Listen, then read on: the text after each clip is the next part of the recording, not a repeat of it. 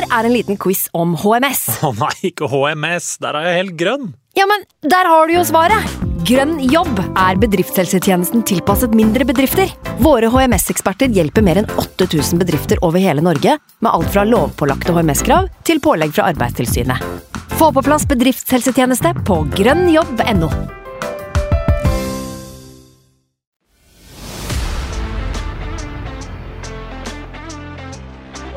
I a duel, I'm upset. When I lose the small side game, I'm upset. Because that's the fucking standard. Martin Odegaard it into the bottom corner. And Arsenal are dreaming.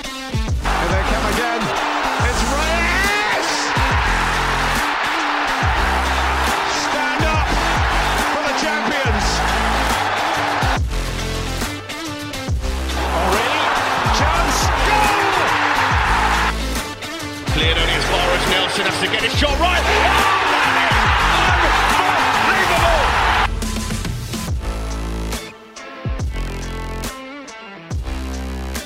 Signe Husfreden og hjertelig velkommen til en eh, duggfrisk og utappet episode fra Arsenal Station. Eh, denne gangen uten vår kjære pus eh, Sivert, som ikke maler som en katt eh, i bokkollektivet i Oslo, men som har en eksamen å tenke på, og da må vi nesten respektere det. Eh, han hadde nok sannsynligvis hatt noen hot takes, eh, likt seg sjøl hvis han hadde vært der. Men Andreas, han er her. Eh, jeg er her, Magnus. Eh, Andreas han har jo vært på julebord og sett eh, matchen på en telefonskjerm mens julebordet har foregått, så han har ja, Han har kanskje ikke fått med seg like mye som han pleier, men jeg stoler på at han har eh, gjort nok research og sett nok klipp i ettertid til at han kommer med kvalifiserte betraktninger. Så Det er jo for så vidt årsaken til at jeg også styrer eh, butikken litt i dag, som ordstyrer. Eh, stepper inn eh, og, prøver å gjøre halvveis like god jobb som han. Eh, Andreas, eh, du hadde jo muligheten til å ta noen Lennart, som du, du skrev. En, du kan jo godt starte med å forklare hva slags drink det er. Altså en Lennart som da En Lennart eller fem, eh, som eh, gjorde at du kanskje ikke tok tapet så tungt. Jeg husker Bjørn Rosenstrøm sin, eh, sin låt 'Lennart har dårlig motorikk'. Eh, Stakkars Lennart, han kjemper og sliter. Jeg tipper du hadde litt dårlig motorikk, men litt lettere å svelge tapet, kanskje? Ja, det var nok det. Eh, jeg er jo veldig glad i, eh, i Santé, som da er pærekonjakk. Eh, og, og Lennart består da av Santé, vodka, Sprite og lime. Så det er, det er en veldig frisk drink å, å kjøre. Og jeg det, ble en 4, 5, 6, 7, 8, 9 sånne i går. Og så i tillegg til da litt øl på sida av maten og, og masse godt samvær som gjorde at, at jeg rett og slett kanskje hadde, som jeg sa til deg, 60% av øynene på eh, kampen og, og 40 eh, alle andre plasser. Så da, da ble vi enige om før innspilling her at du skulle kjøre showet litt som eh, godeste AirPod Albert på, på matta på Villa Park, og så sitter jeg som en Arteta oppe på tribunen, tenker jeg. Det, det er fine greier, det. Nettopp derfor er du ordstyrer, for at du, du drar den para- parallellen rett ut av løslufta. Men det er jo en match her vi må, må snakke om, og det er ekstremt mye å ta tak i. Eh, den godeste Twitter-handelen vår fikk kjørt seg i går. Vi fikk så mange lytterinnspill at vi har problemer med å lese oss gjennom alle. Eh, det er litt sånn som å ha bursdag på Facebook, egentlig. Eh, plutselig så er det 110-150 stykker som du nesten aldri snakker med, bare blåser av gårde med, med, med meldinger. Og mm, i, motsetning til de der upersonlige Facebook-hilsen, så setter vi veldig pris på alle lytterinnspillene vi får på, på Twitter og, og på Facebook. Uh, så vi skal ta dem litt etter hvert. Um, men uh, vi skal selvfølgelig innom uh, om det som skjedde i matchen. Vi skal innom eh, dommersituasjonen igjen. Vi må dessverre det. Eh, vi skal eh, snakke litt om Havertz, litt om Martinelli, litt om keeperdebatten, som vi også må innom igjen. Eh, og så litt om eh, tittelracet, da, som eh, kjører litt sånn twist and shake, som den Eleni-sangen til Sivert om dagen. Eh, det er nye vri, ny vri omtrent hver eh, runde. Og per nå så er altså Arsenal på andreplass, eh, etter å ha spilt da langt bedre enn det laget som da er på førsteplass. Eh, og sånn, sånn er fotball, Andreas. Eh, det er et marginalt spill. Eh, og det er ikke alltid sånn at du får eh, belønning for en god prestasjon. Og det er ikke alltid sånn at du får eh, ris på, på baken for, for en svak prestasjon. Eh, det, det, er så små marginer at eh, når Liverpool da møter opp på Sellers Park og er beint fram med ræva eh, og får en dommeravgjørelse i sin, sitt favør og vinner, og at Arsenal som reiser til Villa Park og er kjempegode og årsakene til at det ikke går, det skal vi da etter hvert begynne å prate om, men ender jo da med null poeng der. Lagoppstilling er det vi pleier å innom her først. Andreas, Der er det vel ikke så fryktelig mye å, å ta tak i. Det var vel eh, null overraskelser? Ja, det var absolutt ingen overraskelser. Det, vi, vi, kjenner jo eh, til at eh, Tomiyasu er ute der for eh, White på høyreback. Eh, Sinchenko fortsetter på venstre, selv om Kivior fikk seg en eh, Eh, en liten outing mot uh, Luton. Um, Framover så er det jo egentlig sånn som vi kunne ha forventa med Kai Havertz som har vært i bra form, Declan Rice så klart, han er selvskreven. Uh, Ødegaard for så vidt det samme. Og så er det den uh, skal vi kalle foretrukne angrepstrioen da, med Saka, Martinelli og Jesus. Så um, det er jo, ja, som du sa, som forventa. Det er ikke akkurat uh, verken noe, noe, mer eller mindre i, i den kampen her. Mange vil jo ha Georginio inn. Og, fordi at han er jo liksom den, den stødige hånda på rattet. En rutinerte fyr som har vært gjennom uh, både uh, sommernatter og vinternatter i løpet av karrieren. Um, personlig så var jeg veldig glad for at Havertz fikk tillit, og at Dry spilte i, i sekseren. Jeg, jeg mener i en match som jeg så for meg det ble ganske mye omstilling mot et Villa som står høyt og som vil angripe, så, så tenker Havertz var et åpenbart valg, eh, basert på det han har gjort de siste matchene nå. Og linken mellom han og Jesus er veldig, veldig spennende.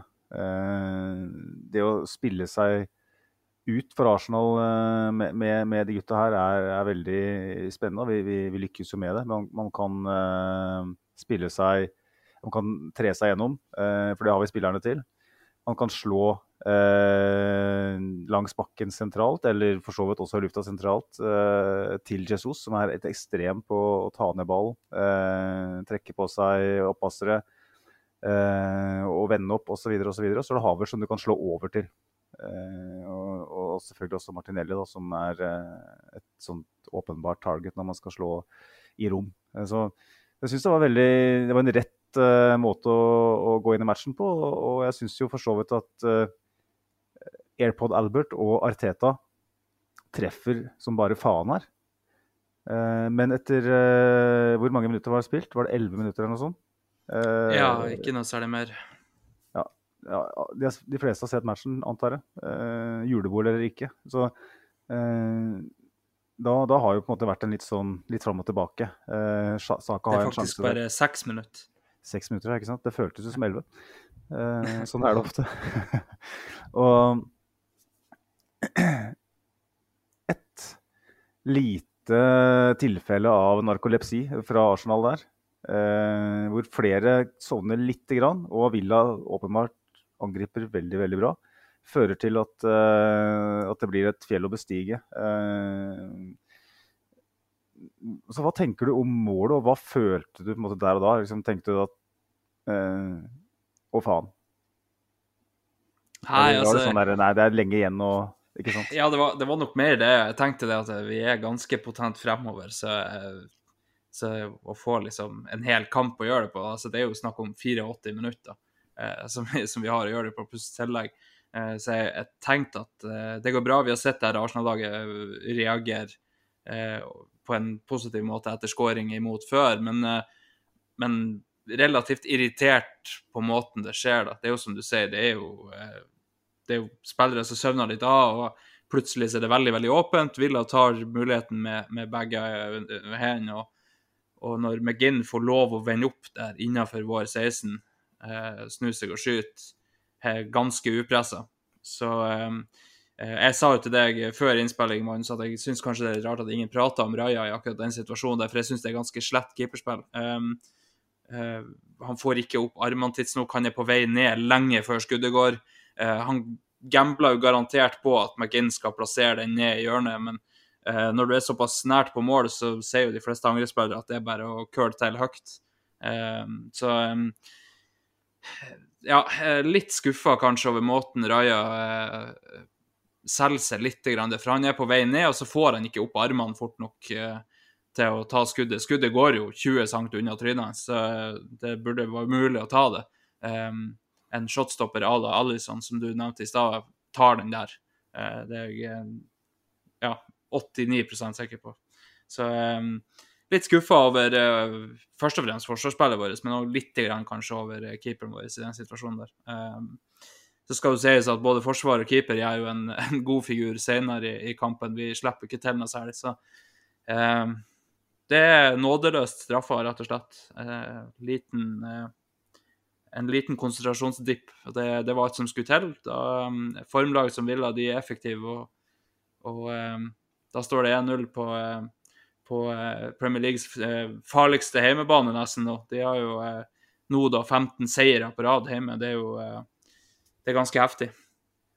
Og ikke minst besvart kanskje de de spørsmålene som ble stilt. Hva, hva, skjer når det kommer et virkelig stort lag på, på, på besøk? Nå har de slått City og Arsenal i løpet av tre-fire tre, dager her. Um, men uh, før vi tar en bitte liten uh, Raja-prat, eller ikke, ikke Raja-prat, men kipi-prat, så, så, så, vil jeg bare nevne at jeg syns det er veldig passivt, det som skjer der. Uh, jeg tenker først og fremst på Ben White. Uh, McGinn er ikke akkurat noe peak Jon Carew eller eh, Drogba, eh, som er vant til å stå med feilvendt der og vende opp og skyte.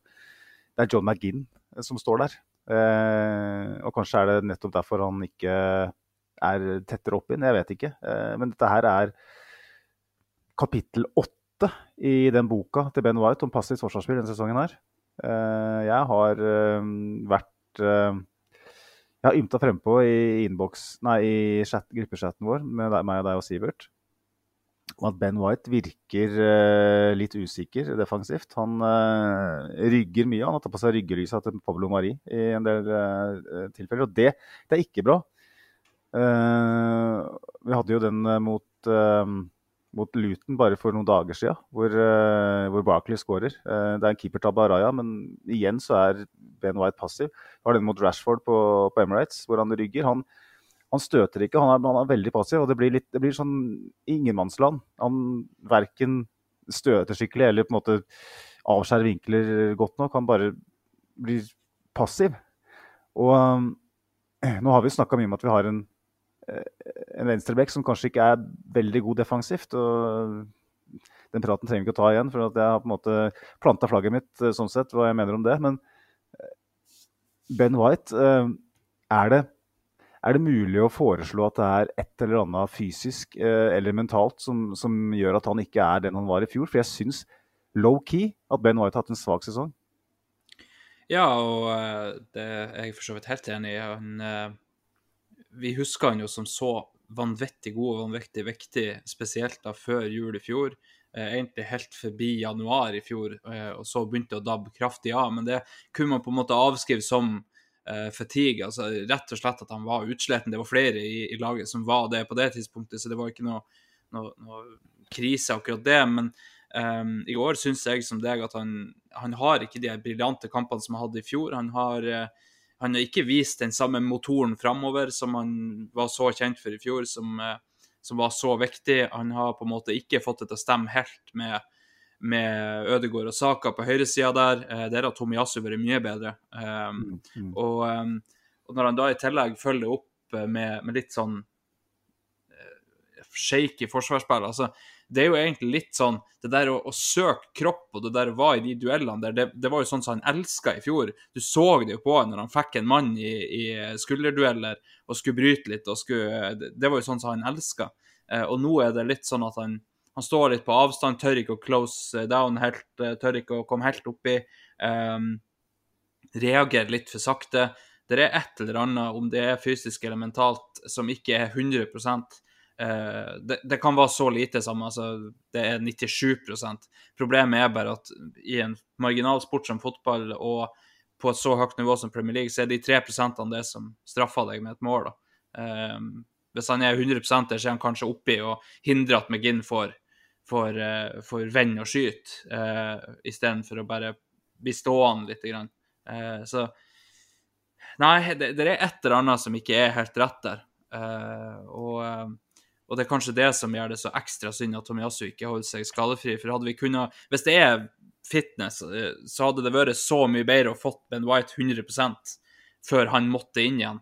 Hvis han nå er Si at han er på 90 da. Ikke helt klar egentlig, men han må inn fordi at Tomiyasu for ut. Uh, så kan det rett og slett føre til at vi knekker han litt mer mentalt, fordi at han får noen sånne svake opptredener som han får nå, da. Så får vi bare håpe at, at, det ikke skjer. Ben White virker jo som en rimelig hard type i hodet, det er ikke det, men uh, ja.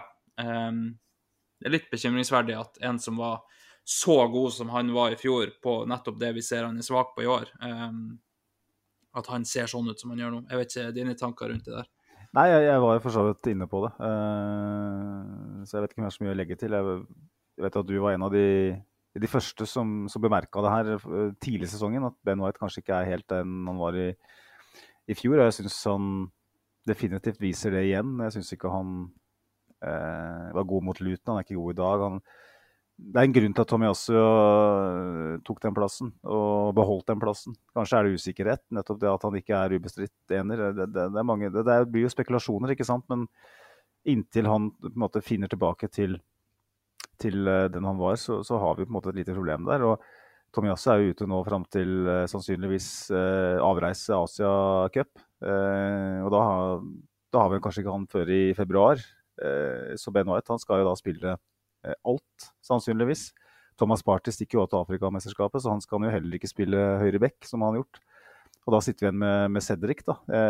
jeg ser ikke hvilke andre alternativer vi, vi har sånn sett. Det, det er jo litt skremmende. Og, um, jeg vet jo, De har jo diskutert litt i Arsenal Vision, da, det med å eh, kanskje Eller om det er Arskast, ja, uansett, eh, en av de engelske har nå diskutert litt det med Kanskje du gir eh, Walters en, en, outing i en, eh, imot PSG, f.eks.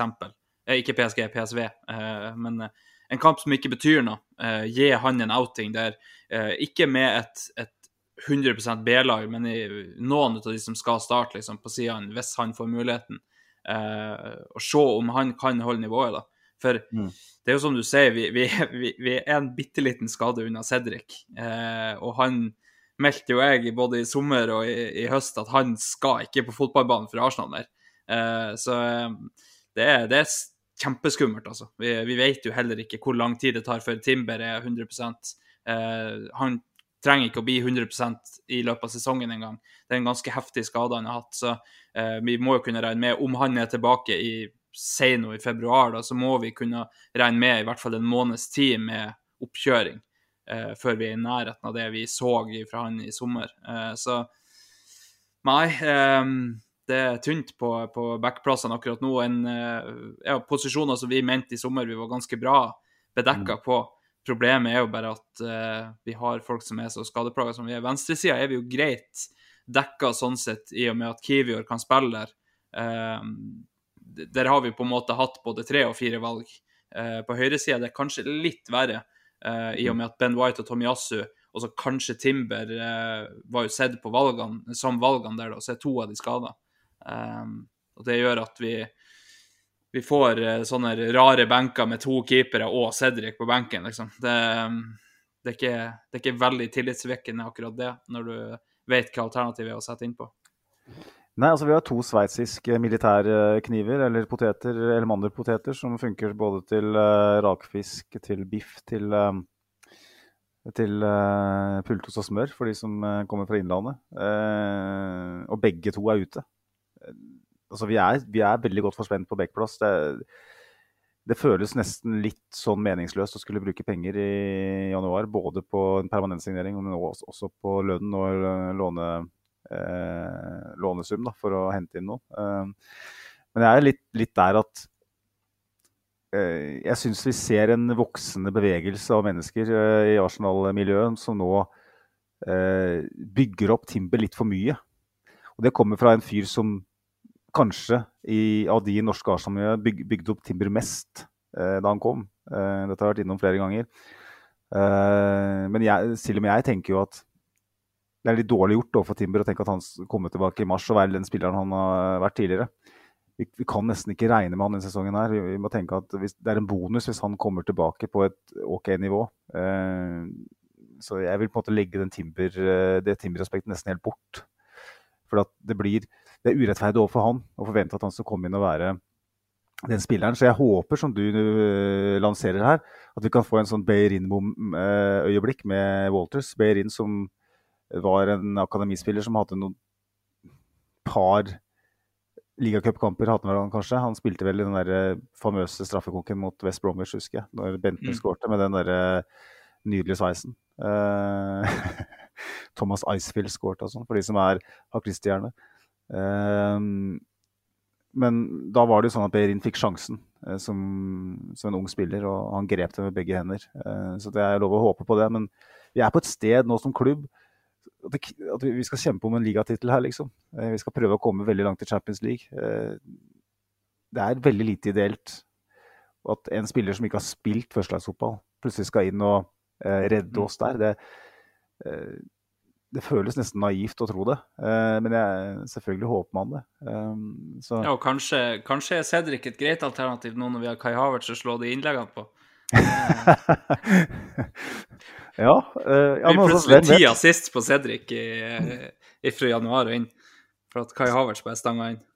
Cedric har hatt veldig mye tid nå på, på, måte, på treningsfeltet og på å prøve å lansere sitt kandidatur. Da. Så jeg håper jo at Vi må huske at han er en tidligere portugisisk landslagsspiller. så det, det, her er ikke Stepanos, liksom. Det er en spiller som kan gjøre en jobb.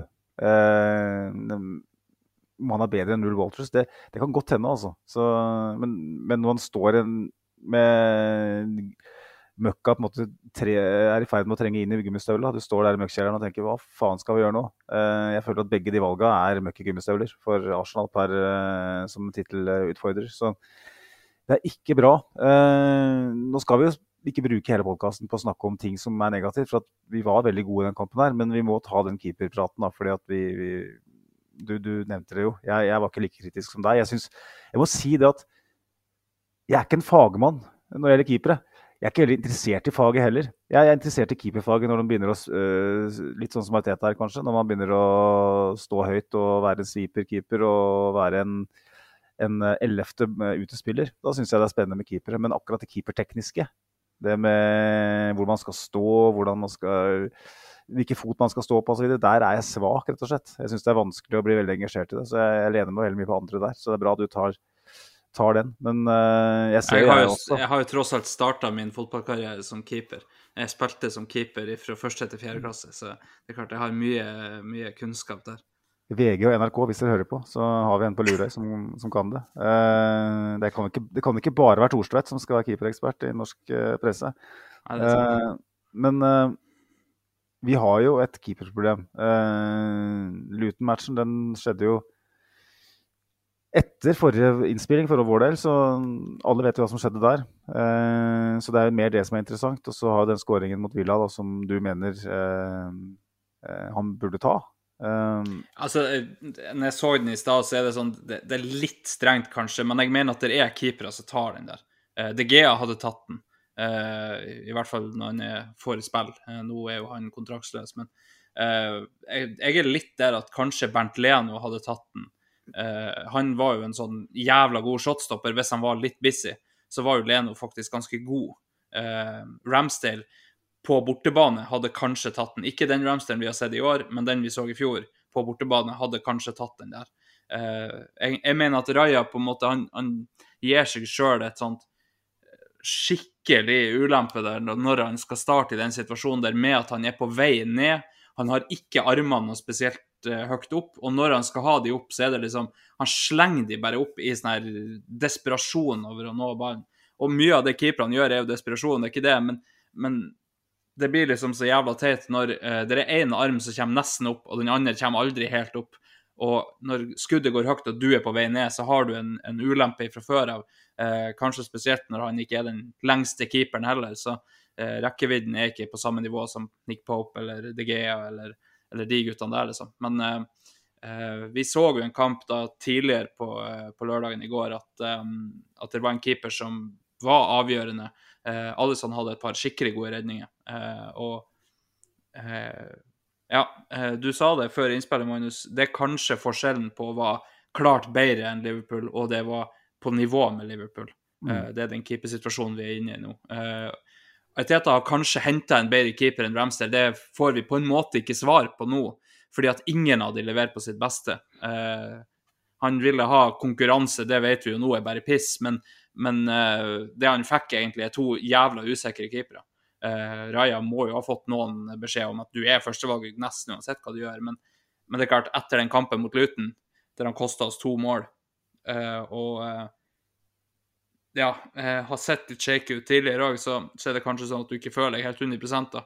Eh, og jeg tippa han hadde hatt mer sjøltillit hvis det var eh, ja, Matt Macy som satt bak han, liksom, eh, og skulle eventuelt komme inn, enn en Ramsdale som fansen elsker, og, og som vi har hylla i hele fjor. Så eh, det er en, det er en kinkig situasjon, det der, rett og slett. Nå glemte vi den gode vennen Carl Hein, men eh, altså Poenget mitt sånn i ref den matchen her, da, eh, det er jo det at du, du påstår at Eller ikke påstår, men du, du, du spekulerer i at kanskje burde han tatt, tatt den. da. Og det du på en måte er mest inne på som er viktig, er at kanskje hadde en bedre keeper tatt det. Eh, og der ligger på en måte eh, problemet, da.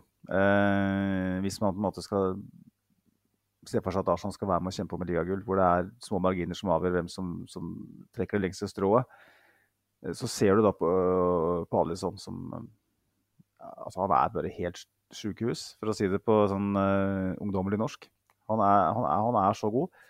Eh, du, du nevner Palace-matchen. Jeg så den faktisk. Han kom jo da tilbake tidligere enn antatt. Jeg hadde jo et sånn bitte, bitte, bitte lite håp om at han var litt usikker foran Arsenal-matchen, men eh, det kan vi jo nå skrinlegge. Han er tilbake. Han er veldig tilbake. Og hvis du ser på tallene Det er egentlig en fortsettelse fra forrige sesong. Eh, Liverpool slipper inn færre mål enn det de bør gjøre. Liverpool kollektivt sett forsvarer seg ganske svakt. Vi var, hadde noen tall her for noen uker siden som viser at eh, Liverpool er de som finner færrest dueller dypt på midtbane i Premier League. Eh, det er i seg sjøl oppsiktsvekkende. Eh, det, mye, det, mye, det blir eh, kontra i senk ganske enkelt mot eh, svak motstand. Eh, men de har en sisteskanse og en blekksprut mellom stengene. Og da er spørsmålet ikke sant, Det er mange, eh, mange kokker som skal ha dask på lanken, eh, og kokkehatten eh, satt til sides midlertidig for det som skjedde på den skåringen til neste Villa. Eh, men David Raja er ikke den største syndebukken her, men se for deg at vi har en Alison som, som, som redder den. Så skårer Villa det målet mot Liverpool.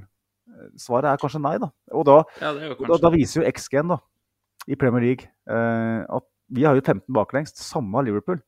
Det gir jo ikke mening at, at Liverpool har sluppet inn like mange mål som oss. Eller altså at vi har sluppet inn like mange som Liverpool, blir det riktig å si. da. Eh, For at Arsenal er mye bedre eh, defensivt. Nesten på alle parametere.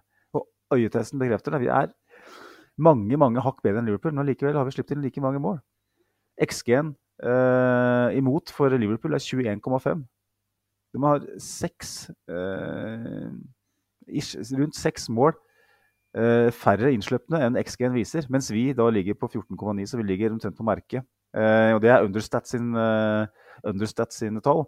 Mens Orbinio eh, mener jo at vi har en, en XG imot på 12,4.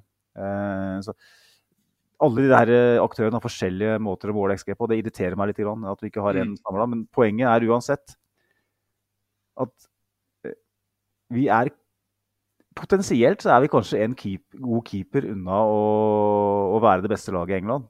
Eh, for et, keep, et keeperproblem det, det er en del av totalpakka. Litt sånn som når alle sa at United var så ræva når de hadde De Gea. Men han, han redda jo United. Men han er en keeper er en av elleve spillere. Han betyr veldig mye. Han betyr mer enn de fleste andre spillerne på banen. Eh, sånn at Det er jo liksom litt sånn det greia, da. Se for deg at vi har en keeper som tar den. Tar den fra McInn. Eh, og så Ja, spiller vi den kampen vi gjør, og så vinner vi. det- så, så, det så sånn, eh, så det blir jo litt sånn Har vi en keeper som på en måte kan stå mye arbeidsledig og likevel gjøre det i redningen og ha den auraen, den, den tilstedeværelsen i boksen. Eh, har vi det? Svaret på det per nå er klokkeklart nei. Så eh, litt, litt, synd altså, når vi på en måte har det beste stoppeparet kanskje i verden, eh, og har beste midtbane, defensive midtbanespillere i verden, så har vi en, et keeperproblem, rett og slett. Ja, det du, det du, trenger her, er jo sånn som Liverpool da, egentlig når Liverpool var skikkelig god, for da var de bra defensivt. Eh, så hadde de et sinnssykt bra eh, kollektivt defensivt, slapp til veldig lite, og det lille de slapp til, det tok Alison i store deler. da. Eh, så, så, det du trenger, det er en keeper som beiler ut det forsvaret ditt de få gangene de gjør feil, for det er få ganger Arsenal-forsvaret gjør feil. og det du trenger da, er en keeper som OK, nå har dere egentlig holdt meg arbeidsledig i, i 70 minutter. Akkurat her ble det jo ikke det, her ble det fem og et halvt eller noe sånt. Men men sant, det er det der med at dere holder meg stort sett arbeidsledig, dere er jævla gode. Da skal jeg faktisk eh, baile ut dere når dere gjør en liten feil. Uh, og, og så, så, har vi kanskje ikke det akkurat nå. Uh, Ramsdale var jo til dels det, uh, men han var egentlig mye mer det der med ryggen mot veggen på bortebane, vanskelig kamp, de sinnssyke redningene der. Vi husker jo dobbeltredninger både her og der. og frisparkredninga hans mot, uh, mot Leicester og, og, alt det her. Altså, det er sånn her Kanskje ikke de der, de der ikke jobb i, i, 90 minutter, og de 91. skal du redde. Kanskje ikke det er Ramsdale i så stor grad. Vi vet at det var mye større grad Ramsdale enn Leno, men så viste det seg jo kanskje at Arteta har på en måte gått et lite steg unna det keepertekniske og vil heller ha en utespiller. og, og mener at det viktigste vi har med keeperen vår, er måten vi bygger opp med keeperen vår. Uh, så viste det seg jo at det at vi ikke skulle gå langt, det er jo bare tull. Uh, vi skal gå langt, men vi skal gå presist langt, og, og, det gjør uh, Raja, absolutt. Mm. Men kanskje har vi et, et problem da når vi, når vi, slipper til den ene sjansen som gjør at vi marginalt ikke får med oss det vi skal i en kamp. Står det 0-0 lenger her, så er det ikke tvil om at Arsenal uh, skårer. fordi at Villa når de har et resultat å forsvare, etter hvert så gjør de òg et taktisk bytte som vi skal prate litt mer om, eh, og kan stå den av, så, eh, så føles det godt å forsvare seg. Når du forsvarer et resultat, så føles det greit. Jeg har sjøl eh, vært med og, og spilla i femtedivisjon i, i, mange år, og, og denne sesongen her får vi et rødt kort på slutten. Vi er ti mann, vi leder med ett mål. Vi står med ryggen imot veggen i de siste 15, og det føles så godt når du bare stanger unna, du får det unna. Da får du litt mer energi av det. Du holder et lag som, som presser, du holder de ute, og det føles godt. Eh, og når dommeren da blåser, så føles det jo enda bedre. Men, men for Villa sin del, å, å forsvare 1-0 er ganske mye lettere enn, å forsvare seg imot oss på 0-0. Og hadde vi da hatt en bedre keeper i den ene situasjonen der, så hadde vi garantert tatt tre poeng. Og det er, det er jo litt uh, essensen i det vi skal inn på nå, Andreas. Uh, fordi at Etter den skåringa til Villa så er det jo egentlig bare ett lag på banen. I hvert fall fram til Villa gjør noen bytter der og får et par kontringer på slutten, så er det kun Arsenal som, som skaper noe. Som, som, jeg vil si vinner de fleste dueller og, og skaper de største sjansene. Eh, det er jo første gangen eh, den sesongen her at Aston Villa ikke har eh, best XG eh, selv i en, en hjemmekamp. Eh, den laveste XG-en Aston Villa har produsert. Og så vil noen da si at ja, men det her er jo klassisk Una Emry når han tar ledelsen. Du husker det fra Arsenal, men det Aston Villa-laget her har en helt, helt, annen identitet enn det eh, Emry-laget til, til, Arsenal. Det ser du på, på resultatene hjemme og på prestasjonene. Dette er et lag som går for tre og fire. Uh, dette er ikke et lag som er fornøyd med å lede 1-0. og Vi så det senest mot City i midtuka, hvor, um, hvor de er mye nærmere 2-0 enn City er uh, utligning. Eh, men her så, så, blir det rett og slett tvingt bakover. Det, jeg er helt sikker på at Aston Villa ikke hadde intensjoner om å ri av den ledelsen eh, i 90, 84 pluss tillegg. Det, det, er garantert ikke. Eh, det er bare rett og slett at de møter et mye bedre fotballag enn, enn seg sjøl. Og da er jo problemet, da, Andreas, at uh, vi har en norsk kaptein bl.a. og en brasiliansk kantspiller som ja, blir satt opp. Uh, og rett og slett ikke klarer å kvittere. Ikke i nærheten eh, av å utføre eh, riktig. Uh, er det altså, Alle vet jo hvilken situasjon vi snakker om. Det er jo ballen i bakrom til Martinelli, uh, som det har vært flere, et par av, hvor han ikke hvor han rusher eh, litt grann hva han skal gjøre. Annet en gang hvor, eh, hvor Sinchenko har ballen ute på venstre der. Og det er helt naturlig. det er en kjempeåpning i kanalen ute bredt. Og Martinelli han bare styrter inn sentralt. Og så inn i, inn i mengden. og så har du så har du jo flere situasjoner hvor han ikke utfører. han er jo, Dette her var jo en Martinelli-kamp kjempe-Martinelli-kamp. Og det er ganske, ganske beskrivende for prestasjonen hans når han blir tatt ut. Eh, for han var den ene angrepsspilleren jeg tenkte at det her er hånd i hanske for eh, Martinelli. Men så er han altså så svak i utførelsen at han blir tatt av for en spiller som ikke passer inn i matchbildet her i det hele tatt, i Trossard, som jeg elsker for så vidt, men som jeg, jeg mener var helt feil å, å sette inn for uh, Martinelli. Um, og så har Ødegaard, da, som nesten alltid setter de derre uh, som går uh, på tvers langs linja der. Det, det setter han nesten hver eneste gang. Eh, han har satt igjen for, senest eh, mot Wolverhampton. Eh, og han gjør som han gjorde på Villa Park i fjor. bommer nesten på ikke åpent mål, da, men det er en kjempe, kjempesjanse som han skal, skal sette. Um, og da, da, ender man med å, å ikke vinne matchen. Vi, vi, kan sikkert gå mer systematisk gjennom det som skjedde, men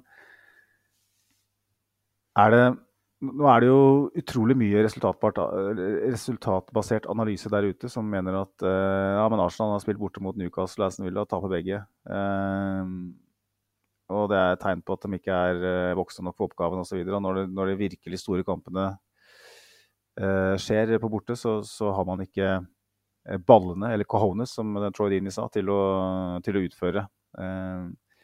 Hva er det som skjer, Andreas? Hvorfor, hvorfor skjer det her? Er det helt tilfeldig at, vi, at det brenner sjansene? For det er vel ikke noe trend som tilsier at Arsenal eh, brenner eh, store sjanser denne sesongen her? Nei, egentlig ikke. Problemet vårt tidligere i sesongen har jo vært at vi ikke kom helt dit eh, mm. til avslutningsøyeblikket. At eh, siste pasning har vært for dårlig osv. Men eh, i denne kampen så kommer vi jo til Altså, vi skal jo nevne det. Emi Martinez har noen skikkelig gode redninger i tillegg, som òg holder oss ute. men men spesielt den til Ødegaard der, da, er jo, er jo, grov. Eh, det der er jo, som du sier, sånne som han nesten setter i blinde eh, når han er i form. Um, og, eh, og, så setter han den til sides. Og så er det jo Det er jo kanskje sånn at vi da kan si at ja, det er en sånn dag, liksom. Det, det ville seg bare ikke. Um, kanskje er vi Altså, Ødegaard er jo helt tydelig ikke 100 konsentrert i, i, i, det øyeblikket, for da går den ballen inn. Um, det er enkelte andre situasjoner òg der vi kanskje ser at, uh, at det mangler et eller annet. Og hva det er som mangler, det, vet, det vet jeg ikke. Men, uh, men uh, Nei, det er ikke sånn at vi, vi bommer fordi at vi bruker bom på de sjansene der. Det, problemet har mye mer vært å komme til de sjansene. Her har vi, her har vi ganske mange gode sjanser til å, til å både utligne og, og, gå opp i ledelsen. Så jeg føler ikke at det er liksom sånn at vi ikke skaper noe, at vi ikke er gode. for jeg er enig med deg, det er veldig mye sånn vi tapte 1-0, derfor var, det, var, vi drit. Um, det, det, blir litt for følelsesladet for min del. Uh, du må se på prestasjoner, ikke bare resultat. Uh, du kan tape en Altså, det er teoretisk, men du kan tape en kamp 5-0 og være det beste laget. Uh, det, det, er mulig, men, men når det begynner med sånne siffer, så er det klart da er er det heller noe som viser det, det motsatte. Men, men, å tape en kamp 1-0 og være det beste laget, det er fullt mulig. Det har vi sett før. Vi har tapt mot City 3-1 og vært det beste laget. Eh, så det er, ikke, det er ikke sånn at vi var dårlige for at vi taper. Eh, det er rett og slett bare at marginene ikke, ikke sitter for oss. Det, det, er ikke håndball der du skårer 30 mål i en kamp. Eh, det er rett og slett én til to til tre, liksom. Så marginene er veldig, veldig små, og når du da ikke har de på de sida, så, så, går det sånn som det gjorde i, i, i går. Ja, øh, så er det sikkert noen som mener at øh, hvis man er dårligst i begge bokser, så, så fortjener man å tape. Uh, men sånn spillmessig så er vi for så vidt inne på tidligere at vi, vi vinner dueller. Vi har Declan Rice som er sitt sedvanlige jeg. Vi har en Saliba som har Watkins i, i, lomma, selv om enkelte har jeg sett har forsøkt å, å påstå at uh, godeste Saliba hadde en dårlig match. Uh, sikkert basert på den ene situasjonen hvor han blir litt stressa og slår ballen ut i corner. Har du sett Watkins så svak i noen kamp denne sesongen? her? Han uh, ligger jo dypt nede i den lomma og kaver sammen med Brauten. kjempematch igjen av Saliba. og vi har, vi, har, god kontroll på, på det aller meste. og skaper mange målsjanser. Men vi har et par lytterinnspill som, fra lyttere som er litt misfornøyd med hvordan vi utnytta det faktum at Villa står høyt. Vi hadde jo en del eh, bakromsballer, eh, bl.a. Sinchenko hadde et par eh, til Martinelli. og eh, De hadde den til Saka som var marginalt offside, eh, som ble annullert. Eh, men Morten Flaten på Twitter han skriver hvorfor prøver vi ikke å utnytte bakrommet oftere når Villa sto så høyt? Saka fikk ballen i mål den ene gangen, men hvorfor slutte å prøve? Hadde garantert funka hvis vi hadde forsøkt igjen og igjen. Eh, savnet rett og slett gode, gamle bueløpet fra nummer sju og nummer elleve. Og så har vi Amund Holmen på, på Facebook eh, som skriver det skal være mulig å utnytte at Villa står skyhøyt med forsvaret og ikke tør, slash, eh, tør å spille slash timerløp i bakrom med de kjappe kantene vi har. I stedet for å benytte seg av det, så skal vi tråkkes av ballen og spille vårt spill. Um, så skriver han også at Villa senka seg etter hvert i ramma igjen. Uh, og det var jo da på en måte den muligheten forsvant litt. Da. Men er du enig i at vi, at vi kunne utnytta det um, oftere? Ja, altså det er klart i all den tid det er der, det bakrommet der, så skal man jo kunne utnytte bedre enn det vi gjør i den kampen som som lytter så, så, korrekt nevner, så har vi jo en ball i nettet. Eh, men uh, den så man jo på en måte ganske tydelig når den ballen går, at det der ser ut som offside. Uh, og vi vet med millimeterpresisjon til VAR nå, så um, det som ser ut som offside, det er ofte offside. Uh, så da, um, da, var jo den for så vidt utkvittert. Martinelli vet vi jo, som du sier, er det en bedre spiller å kunne spille i bakrom og la han sprenge imot mål? I teorien nå er han jo ikke helt seg sjøl eh, enda, dessverre, i år, men, men det er jo absolutt hans styrke. Saka, får han sprenge imot mål med én eller to mann framfor seg, så er han jo livsfarlig. Eh, så det er kanskje litt skuffende at vi ikke bruker det mer. Samtidig så er det kanskje ikke helt vårt game heller. Jeg vet ikke helt hvor mye Teta tenker på det etterpå. Jeg tipper han tenker mest at vi skaper det vi skal, og, og setter ikke. Så jeg har ikke noe sånn kjempegodt svar på det sjøl. Jeg vet ikke hva du tenker om uh, utnyttelsen av bakrommet hans. Nei, altså jeg, uh, jeg, sa det jo for så vidt uh, for et, et, minutt siden. jeg syns jo at vi, vi gjør det, til dels. vi kunne nok gjort det oftere. men vi burde ha utnytta Det er kanskje mitt største problem. Vi burde ha utnytta det bedre de gangene vi gjør det. jeg syns vi kan godt ha en Martinelli-prat. Jørgen at Jørgen TF på Twitter. Han skriver til oss gjerne snakke litt om Martinelli. Virker vaksinert mot å orientere seg før han mottar ball, samt bruker konsekvent for lang tid på å gi dem fra seg i nøkkelsituasjoner. Og um, her har vi en stor prat, Andreas. Eh, Martinelli. Han går jo for så vidt eh, på de rette løpene. Eh, har flere jeg, jeg, nevnte jo det med det ene hvor han skal gå ut på utsiden, men velger å gå på innsiden. Eh, en spiller som som denne matchen her var som skapt for. Og en Martinelli i storform, i sitt rette element. Eh, straffer jo Villa her, men eh, jeg syns han utfører svakt. Han, han, det er nesten så jeg vil gi han strykkarakter for, for det han gjør med, med, ball i den kampen her. Uh, uten ball så er han som alltid bra, men den, han hadde jo en hvor han uh, kommer mot Martinez der. Og så tenker jeg at det finnes eh, angrepsspillere som klarer å, å, få den mot mål, i stedet for at den skrur på en måte utover i banen eh, og ender opp i ingenting. Og så har du som, som, eh, som Skal vi se, hva var det du Jørgens eh, påpeker. Eh, at han er uh, lite orientert, og han slipper ballen for sent. Og innleggene hans Han hadde jo ett Saka veldig tidlig i kampen. Altså, fort, hadde Saka satt den, så hadde vi hatt en annen samtale her, kanskje. Men det er en spiller som, som sliter litt her, eh, syns jeg. Altså, vi har jo snakka om det. Uh, han, han, han, har, han involveringer som ikke er overbevisende. og må man spille de her store, såkalt store kampene, så må man være mer klinisk i, både i pasningsspill også foran mål. Og, um, dette er òg en spiller som kommer til veldig få uh, avslutninger. I den kampen her så burde han kanskje ha kommet til flere, da. Uh, men er det vi, vi, husker jo fra januar i fjor at, uh, at Arsenal er villig til å betale en milliard omtrent for uh, Mudrik. Skal være ganske glad for at vi ikke gjorde det. men trenger vi, en, trenger vi et alternativ her? Altså en annen spiller som har noe av de samme ferdighetene, men som, som er litt kjøligere, eller som, som, er litt mer Spiller kanskje litt mer med eh, Som orienterer seg på en annen måte, da, som ikke har blikket festa ned i bakken. Eh, jeg vet ikke. altså jeg, jeg, jeg, syns det er litt vanskelig å analysere, for å si det, eh, Martinelli om dagen. Jeg vet ikke helt hva jeg skal tro eller tenke. Eh, hva, hva, hva tenker du om Martinelli? Nei, eh, jeg tenker jo for det første så er det en spiller vi ikke har fått i gang eh, i år. Eh, og, vi er avhengig av å få han i gang. Vi hadde jo håpa at, at, etter de siste, på en måte, der det har løsna litt, at han skulle på en måte finne seg sjøl litt igjen. Eh, så er det kanskje sånn at, uh, at han ikke har den samme uforutsigbarheten som Saka har akkurat nå, som gjør at kanskje spillere har funnet litt ut av han Spesielt da med tanke på driblinga hans. da. han går jo mye ut til linja og, og, skal slå de 45 tilbake langs bakken, og, og kanskje det blir litt for forutsigbart.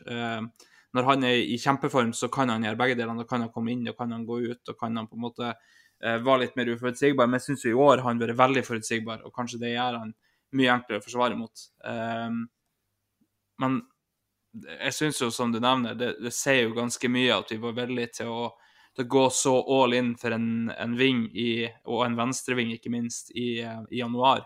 For fram til da var jo Martinelli veldig bra. Uh, så da var på en måte kanskje ikke behovet helt der. Um, I hvert fall sånn som vi så det på det tidspunktet. Uh, og så så ser vi da at de går ganske hardt etter Mudryk, uh, en som vi bare må regne med hadde blitt en, en, klar konkurrent til Martinelli. Uh, du flytta jo ikke han over på, på høyre, så god som han er på venstre, eller var på venstre i Sjaktar. Um, så jeg vil jo tro at, at ving og spiss er vel kanskje noe som står høyt på lista til Ariteta nå. Eh, kanskje i lag med Så lenge det fungerer med Havertz, er jo det veldig greit, men kanskje i lag med en midtbanespiller til. da. Um, men, eh, men, det er veldig tydelig at uh, når vi har de to som er så klare førstevalg da, på høyre- og venstreving, og de ikke er i gang, så har vi et kjempeproblem. For, for det, er ikke, det, er ikke, bare å sette inn noen i stedet. Liksom. Du kan sette inn Trossard der, men han gjør ikke den jobben. Uh, du kan sette inn Reece Nelson der, men uh, det er veldig tydelig at Teta ikke tenker på han som en starter. Um, så det, det, er litt sånn urovekkende at, at, vi er såpass langt inn i sesongen som vi er nå, og vi prater fortsatt om at Martinelli ikke er kommet i gang. Eh, mm. For eh, det har vi sagt så mange ganger nå i høst, at vi er avhengig av å få han i gang for å på en måte komme dit vi vil. Eh, så jeg vet ikke hva vi, hva vi skal si om det. Er han et offer for systemet? Altså med Havertz da som på en måte en eh, enda en angriper i, i, den altså Han er mye mer angriper enn Sjaka var, selv om vi har sett på tall og så videre, som gjør at han, han, han, han matcher jo Sjaka en del defensive tall også. Men han er jo henta inn for at han er en, en Blant annet for at han er en trussel i boksen. Og vi så jo mot Luton spesielt hvor, hvor effektivt kan være det samspillet mellom han og Jesus. Uh, I fjor så var det jo Jesus og Martinelli vi snakka om, uh, som hadde den, den linken. Men Havertz eh, inn der og Zinchenko som inverterer, så blir jo Martinelli i veldig stor grad den som skal holde bredde. Eh, jeg nevnte vel for to episoder siden at han var på 57.-plass eh, i Premier League på antall skudd per match. Og der ligger han vel omtrent nå òg. Og det, det, er jo for meg en kjempewaste. Eh, spørsmålet mitt er liksom Han ofres Han er jo ekstremt eh, eh, pålitelig eh, og tillitsfull. Han, han gjør grovarbeidet, og han, hvis han må gjøre grovarbeidet i 90 minutter og ikke komme, til, eh, komme i, i, søkelyset, så, så, gjør han det. Og det er en av de tingene jeg liker veldig godt med Martinelli. Han er ikke en som han har ikke det egoet, på en måte. Uh, han, fra en, han har en bakgrunn som gjør at han kanskje ikke søker det heller. Og Sånn sett er vi heldige. Men jeg føler på en måte at utviklingen, utviklingen hans har stagnert litt. Grann, um, det, ja, det... veldig waste, som du sier, med tanke på Jeg har jo uttalt her tidligere at jeg tror at han er en av de teknisk beste avslutterne de har. Eh, I lag med Altså, Ødegaard har en veldig fin venstrefot, eh, Saka er veldig god, eh, alt det der der. Eh, jeg syns jo Emil Smith-Roe òg er teknisk en briljant avslutter, eh, men eh, Martinelli i storform er det er ikke mange i klubben som er så gode avslutt som det han er da. Og det, det er synd at vi ikke får se det, fordi at jeg tror du har et godt poeng der med at eh, Havertz skal komme inn i boks, da er det litt mindre rom for Martinelli å skal komme inn i tillegg, for da må noen holde bredden. Um, og så er jo kanskje spørsmålet da burde vi da se på muligheten, eller burde Arteta da se på muligheten etter hvert for at kanskje Havertz burde ta det løpet bua utover et par ganger, uh, sånn at det faktisk skaper rom for Martinelli innover. Uh, for vi kan, vi kan, ikke ha Havertz inn i boks hver gang hvis vi ikke skal slå høyt, for det er veldig tydelig at det er ikke alltid det er hans styrker som, som kommer til gode da. men han kan dra med seg en mann ut og skape rom for Martinelli. det gjorde jo Sjaka. Det gjorde jo Sjaka. Mm. Du husker Declan Rice Absolutt. gjorde det da han spilte i, i den posisjonen. Mm. Ja, Sjaka var jo plutselig helt ute igjen med cornerflagget et par ganger. Eh, mm. Og det skaper rom, for noen må følge han. For Hvis ikke så har du en mann ute der alene som kan gjøre ganske mye, og, det, det, kan du ikke ha i dagens fotball. Så um, det skaper rom, og, og, kanskje det er det han trenger. Um, så får vi se om han får det eller ikke. Jeg tipper jo de jobba ganske hardt for å få han i gang, for, for, alle vet hva han kan gjøre for deg. Altså, det var en som vi satt før sesongen og tippa liksom 15 målpoeng på i, i, i Premier League. Um, ja, 15 mål, ikke bare målpoeng. Ja, 15 mål, da, ikke målpoeng. Men det var en som viste at han kan nå 15 mål. Det det, han, han gjorde det i fjor. Han var, ja. hadde jo nettopp 15. Um, og, og, nå er han liksom på Jeg vet ikke, har han ett mål? To. To, ja. Han hadde ett mot, så, nå mot Luton, og så hadde han det mot City. Uh, ja, Så han er on route til sånn sju-åtte mål, liksom? Ja, ja han, han, er det. Og um, man kan ikke forvente noe mer heller når han ikke er, eh, kommer til flere avslutninger. Nei. Det er jo for så vidt positivt da, at både mot Luton og i, mot Villa så han kunne ha skåra. Han, han skårte mot Luton og burde ha skåra mot Villa. Uh, mm. og Sånne kampbilder som det. Så jeg mener at dette her var en, en, en kamp hvor han fra den uh, ytre posisjonen sin kunne ha skåra, burde ha skåra, uh, kanskje. Mm. så sånn sett ikke et problem her, men vi, vi, vil, vi vil gjerne se at de evnene utnyttes. Eh, vi trenger når vi har en spiss som Jesus, som ikke er ja, Han har jo selv uttalt at han ikke er en stor målskårer, og det, det, vet vi jo. Mm. Og um, Da trenger vi at både Saka og Martinelli melder seg på. Og um, før vi går videre med matchen, så kan jeg bare nevne det. Da, for nå, Jeg ser jo på, på Twitteren vår at det er mange som maser om en um, om den derre spissen. Jeg så jo Skal vi se, jeg har, ikke, jeg har ikke oppe noe, men så, sånn er det får så mange. Så takk din, takk for dere, til dere for de innspillene. Uh, uh, at vi må ha inn en targetspiss. Uh, sånn at Jesus Nei, sånn at de kantspillerne på en måte blir spilt gode, da. Men jeg syns jo Jesus er nettopp en targetspiss. Han er en, han en kjempetargetspiss. Så, så, jeg føler liksom at vi, vi trenger ikke nødvendigvis en spiss, vi trenger en angriper en, gjerne en som er litt i Martinelli-faget. En, en som, som, har veldig stor fart, som kan gå i de bakrommene, som kan skape ubalanse, som kan dra på seg et par mann. Det er det vi trenger. Eh, om han spiller sentralt eh, på topp eller om han spiller på kanten, det, det, forstår, det, det spiller ikke så stor rolle. Vi må ha inn en som, som skaper ubalanse, eh, og som ja, eh, kan by på, på målpoeng. Eh, jeg tror Jesus er helt optimal for det laget her. Og, så, og han spiller en god kamp igjen.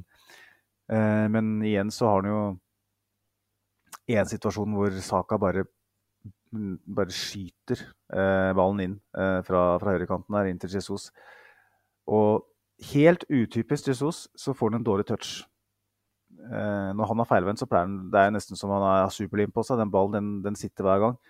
Men her så får han en dårlig touch, og han spretter ut, og det blir ingenting av det. Men her er jo mitt, mitt problem med Jesus, da. For at her, her Dette her var jo Nottingham Nei, nei, hvem var det ikke Nottingham Forest? Hvem var det vi spilte mot? Var det, jo, Sheffield United. Første målet til Nketia mot uh, Sheffield United, var det ikke det?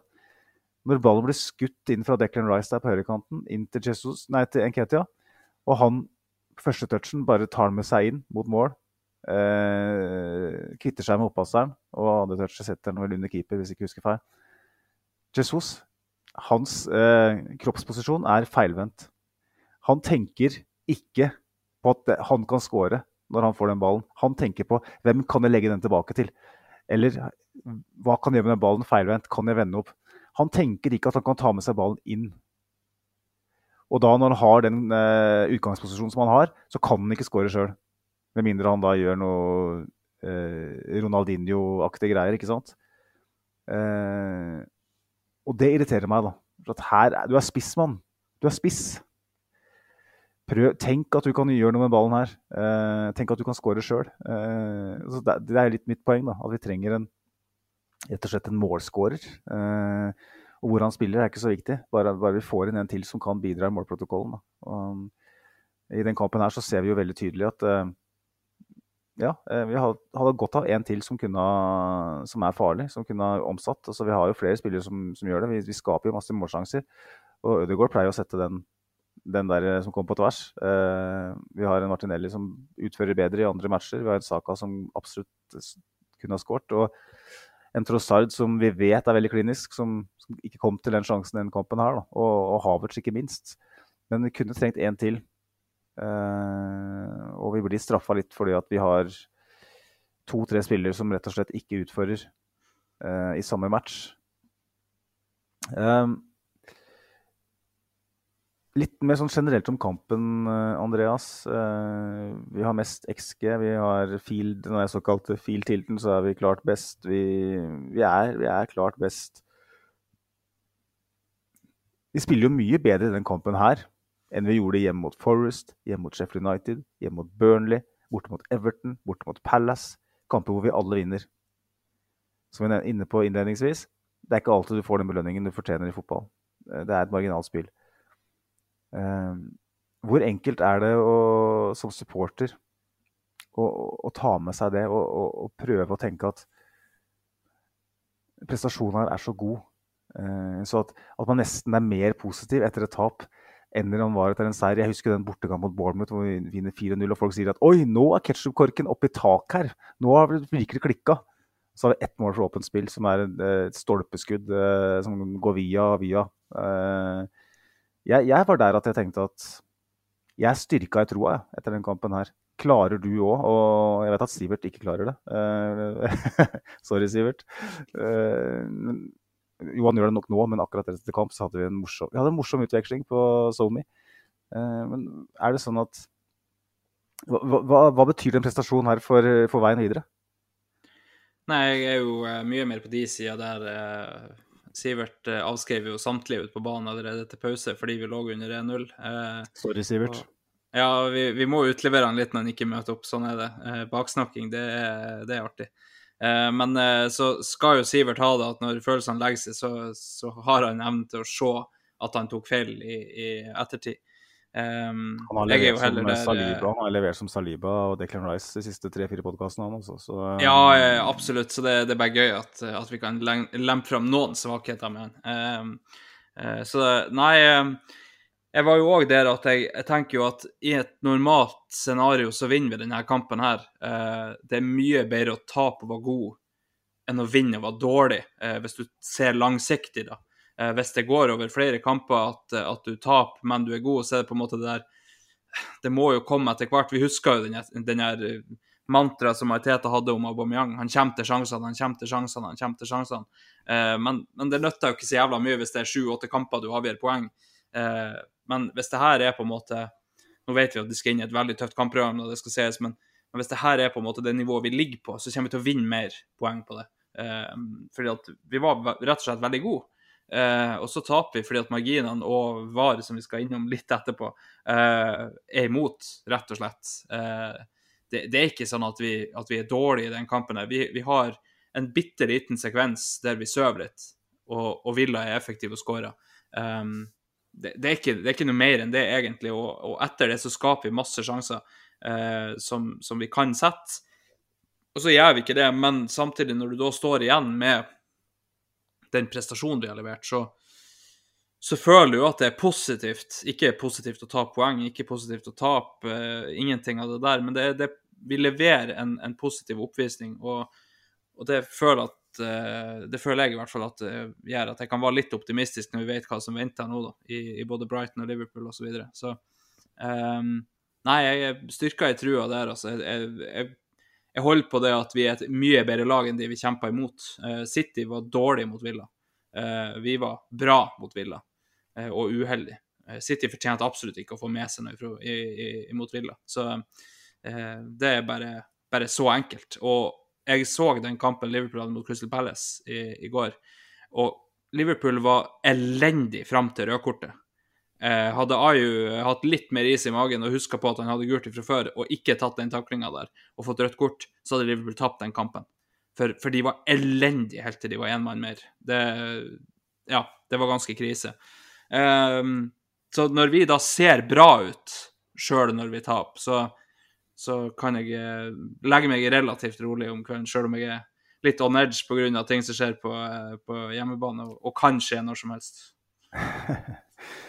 Ja, eh, det skal vi også inn på mer eh, i løpet av eh, en måneds tid, i hvert fall. Eh, men det er jo litt, litt vår misjon her i dag, da, Andreas, å påpeke det her. Fordi at begrepet har blitt nevnt to ganger allerede, tror jeg, i episoden. Resultatbasert analyse. Eh, vi rettighetshaverne via Play Sky eh, var jo virkelig på jobb i går. Eh, det var eh, god gammeldags runkering eh, for Aston Villa.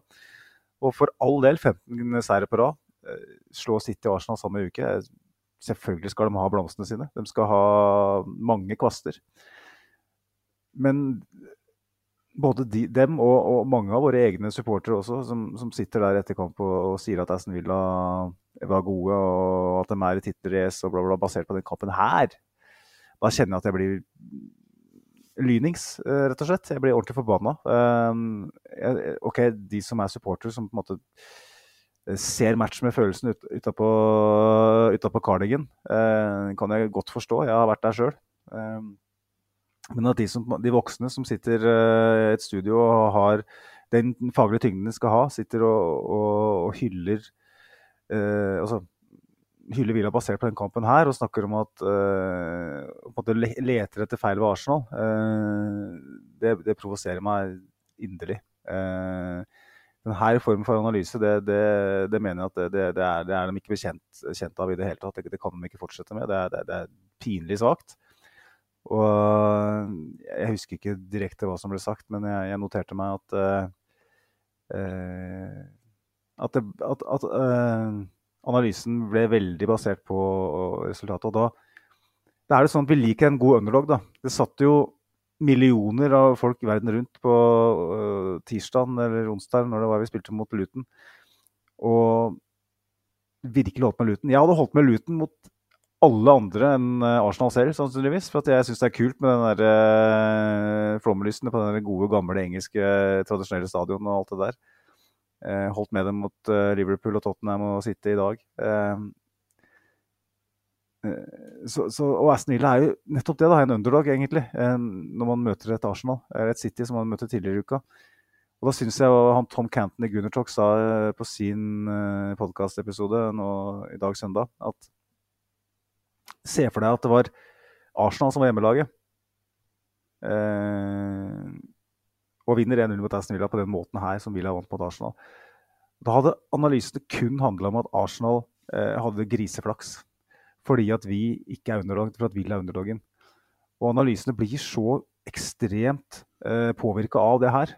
Og det, det, plager meg. og Jeg, jeg leser eh, masse Arsenal-fans eh, på, på, Twitter og Facebook osv. som som er liksom ute etter å ta Arsenal for det her. At, uh, at vi kladrer på den offensive tredelen, og alt, alt, er feil, liksom. Uh, det er sånn Vi er nødt til å, å klare å se, se fotball med, med, noen andre briller av og til.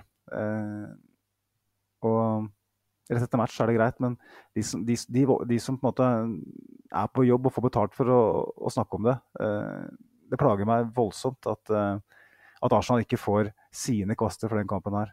Eh, jeg syns vi spiller en kjempegod kamp. En av de beste kampene vi spiller hele sesongen. vi vinner åtte av ti av de kampene her. Og totalt sett, hvis du ser på prestasjonene de siste tre-fire ukene i Premier League, så er Arsenal det beste laget i, England.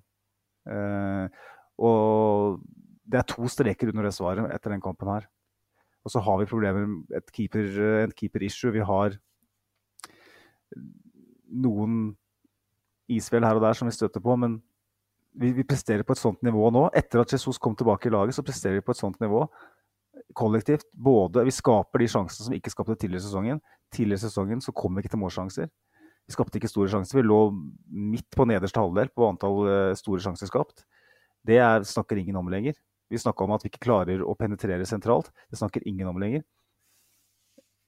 At vi nå har en kamp hvor vi ikke setter, ikke omsetter, noe vi har gjort tidligere i sesongen når vi på en måte ikke har hatt like stort volum av, av, sjanser, det gjør meg ekstremt positiv. Altså. Jeg, jeg, jeg, jeg, synes, jeg, er veldig veldig mye mer optimistisk eh, enn jeg var før Villa-matchen. Jeg synes vi spiller Tenk å reise til en arena hvor et lag har vunnet 14 på rad, akkurat slått City. Så går du til og så vasker du gulvet med dem, egentlig. Sånn, egentlig så gjør vi det. Og de, de, de feilene vi gjør, de, de, kan rettes på. De sjansene vi ikke setter, de setter vi på en annen dag. Ødegaard setter de aller fleste av de der ballene der. Martinelli er skarpere enn det her. Så at Villa har da et øyeblikk som avgjør matchen OK. Eh, sånn, sånn, er idretten. Sånn er fotballen. Noen ganger får du ikke belønningen din. Men her, her, burde vi ha fått det, for her var vi kjempegode. Og um, det leder meg fint inn på uh, den neste praten, som er uh, dommere. Uh, jeg vil ikke si var, for det, det, blir litt misvisende med tanke på den situasjonen vi, vi er mest opptatt av. Um, 1-1 uh, til 89 der. Så, så, reiser vi hjem til, til, London og tenker at yes, det er et greit poeng. Det første laget som tar poeng mot Villa siden vi tok, vant der sist for kjempelenge siden. Uh, Ett poeng mer enn alle andre som har vært der, etter en god prestasjon. Er det, er det lov å, stille deg spørsmålet eh, hvordan du tolka den situasjonen, eller? Nei, altså, det er jo for så vidt eh, flere situasjoner, så klart. Jeg regner med det, det, det målet som vi ikke får, eh, vi skal inn på. Uh, det er jo Og det er liksom det der Jeg, jeg, jeg, skjønner, jeg, skjønner, det der at det står i regelboka at den skal ikke innom ei hand, bla, bla, bla, og det er svart-hvitt, osv., osv. Det som er så jævla teit, er at de har begynt å jobbe for å fjerne mål nå. Eh, det, det, fineste i fotball, det de begynte å jobbe for å fjerne. Vi får ikke lov å feire mål engang, for faen, når de står. Eh, for realiteten blir sett han på tribunen og feirer han han vinner i 97. minutt. Uh, og så, så, når det da blir et mål, ingen rundt han som reagerer på at han er rundt, borti handa hans. Det er ikke en eneste forsvarsspiller som står der med handa i været og hei, hei, det må være en hands. Først er han jo borti handa til Matty Cash. Det som er paradoksalt da, det at Kai Havertz har ikke lov å score hvis han er borti handa hans. Men det er ikke straffe, for det er aldri livet hands på Matty Cash. Altså, hvor skal vi liksom Hvor skal vi se at det er rettferdig her, da? Nei, du har lov å ta ned, ta ned ballen med handa der, eh, og, og, da via ei anna hand. Men hvis det skåres, så er det ikke mål. Men det er ikke straffe imot. Uh, og ikke, ikke misforstå, jeg vil aldri i livet at det der skal være straffe, for det er ikke noe, det er ikke noe hands. Um, så, så, aldri i livet om det der skal være straffe. Uh, men, men, det er liksom så paradoksalt at når vi, når vi spiller i en sport der målet er det fineste vi har. Altså, Vi kan snakke om tekniske finesser, vi kan snakke om, men det som, det som løsner følelsene hos oss, er jo i store hop mål. Og nå jobbes det for å fjerne dem, sånn aktivt. Det, um, ja, det er liksom Det står jo en eller annen sted at tvilen skal komme det angrepne lag til gode. Eh, dommer ser aldri i livet at den er borti ei hand der. Aldri ser han det. Så eh, at han blåser, er jo spekulativt det må ha skjedd et eller annet der. der. Så da blåser vi, og så får VAR ta det i så fall, hvis det ikke har vært noe der. Eh, og, og når, når, VAR da først ser at den er borti ei hand, så ja, da er det i hvert fall ikke clear and obvious at det ikke står, for at det står i regelboka. Kanskje VAR hadde sagt, eh, hvis den har stått Hei, du, den er borti ei hand, det er faktisk sånn svart-hvitt på reglene, så er faktisk det eh, Det er ikke greit. Um, det får vi jo aldri svare på nå, men, men heller det, da enn at dommeren skal ta en sånn spekulativ avgjørelse, og, og VAR kan sette og si at det er ikke clear and obvious. Altså Her er det jo faktisk ikke clear and obvious, da, for det er ikke feil av en sånn etter regelboka blås. Men, men det som blir så jævla skuffende for meg, er at vi jobber så helvetes hardt for å få fjerne mål. Det er liksom millimeteravgjørelser her, og der, det, det, er alt mulig rart. Og, og, tvilen går nesten alltid det forsvarende lag til gode, selv om det ikke heter det i regelboka. Uh, altså, det jeg, jeg, blir liksom sånn matt i, i kroppen når jeg, når jeg bare mål er liksom det vi vil se på fotballstadionene, Magnus. Eh, nå letes det med lupe for å fjerne hvert bidige ett. Eh, vi får ikke lov å feire det når de står.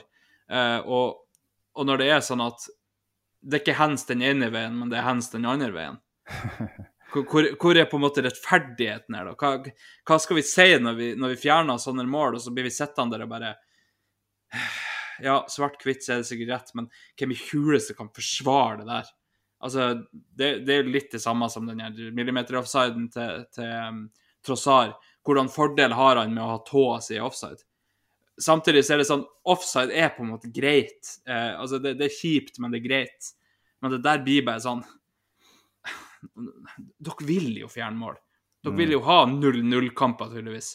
Det er jo eh, Når det jobbes så hardt for å fjerne alle målene som, som skåres, hva vi skal gjøre da som supportere, Magnus?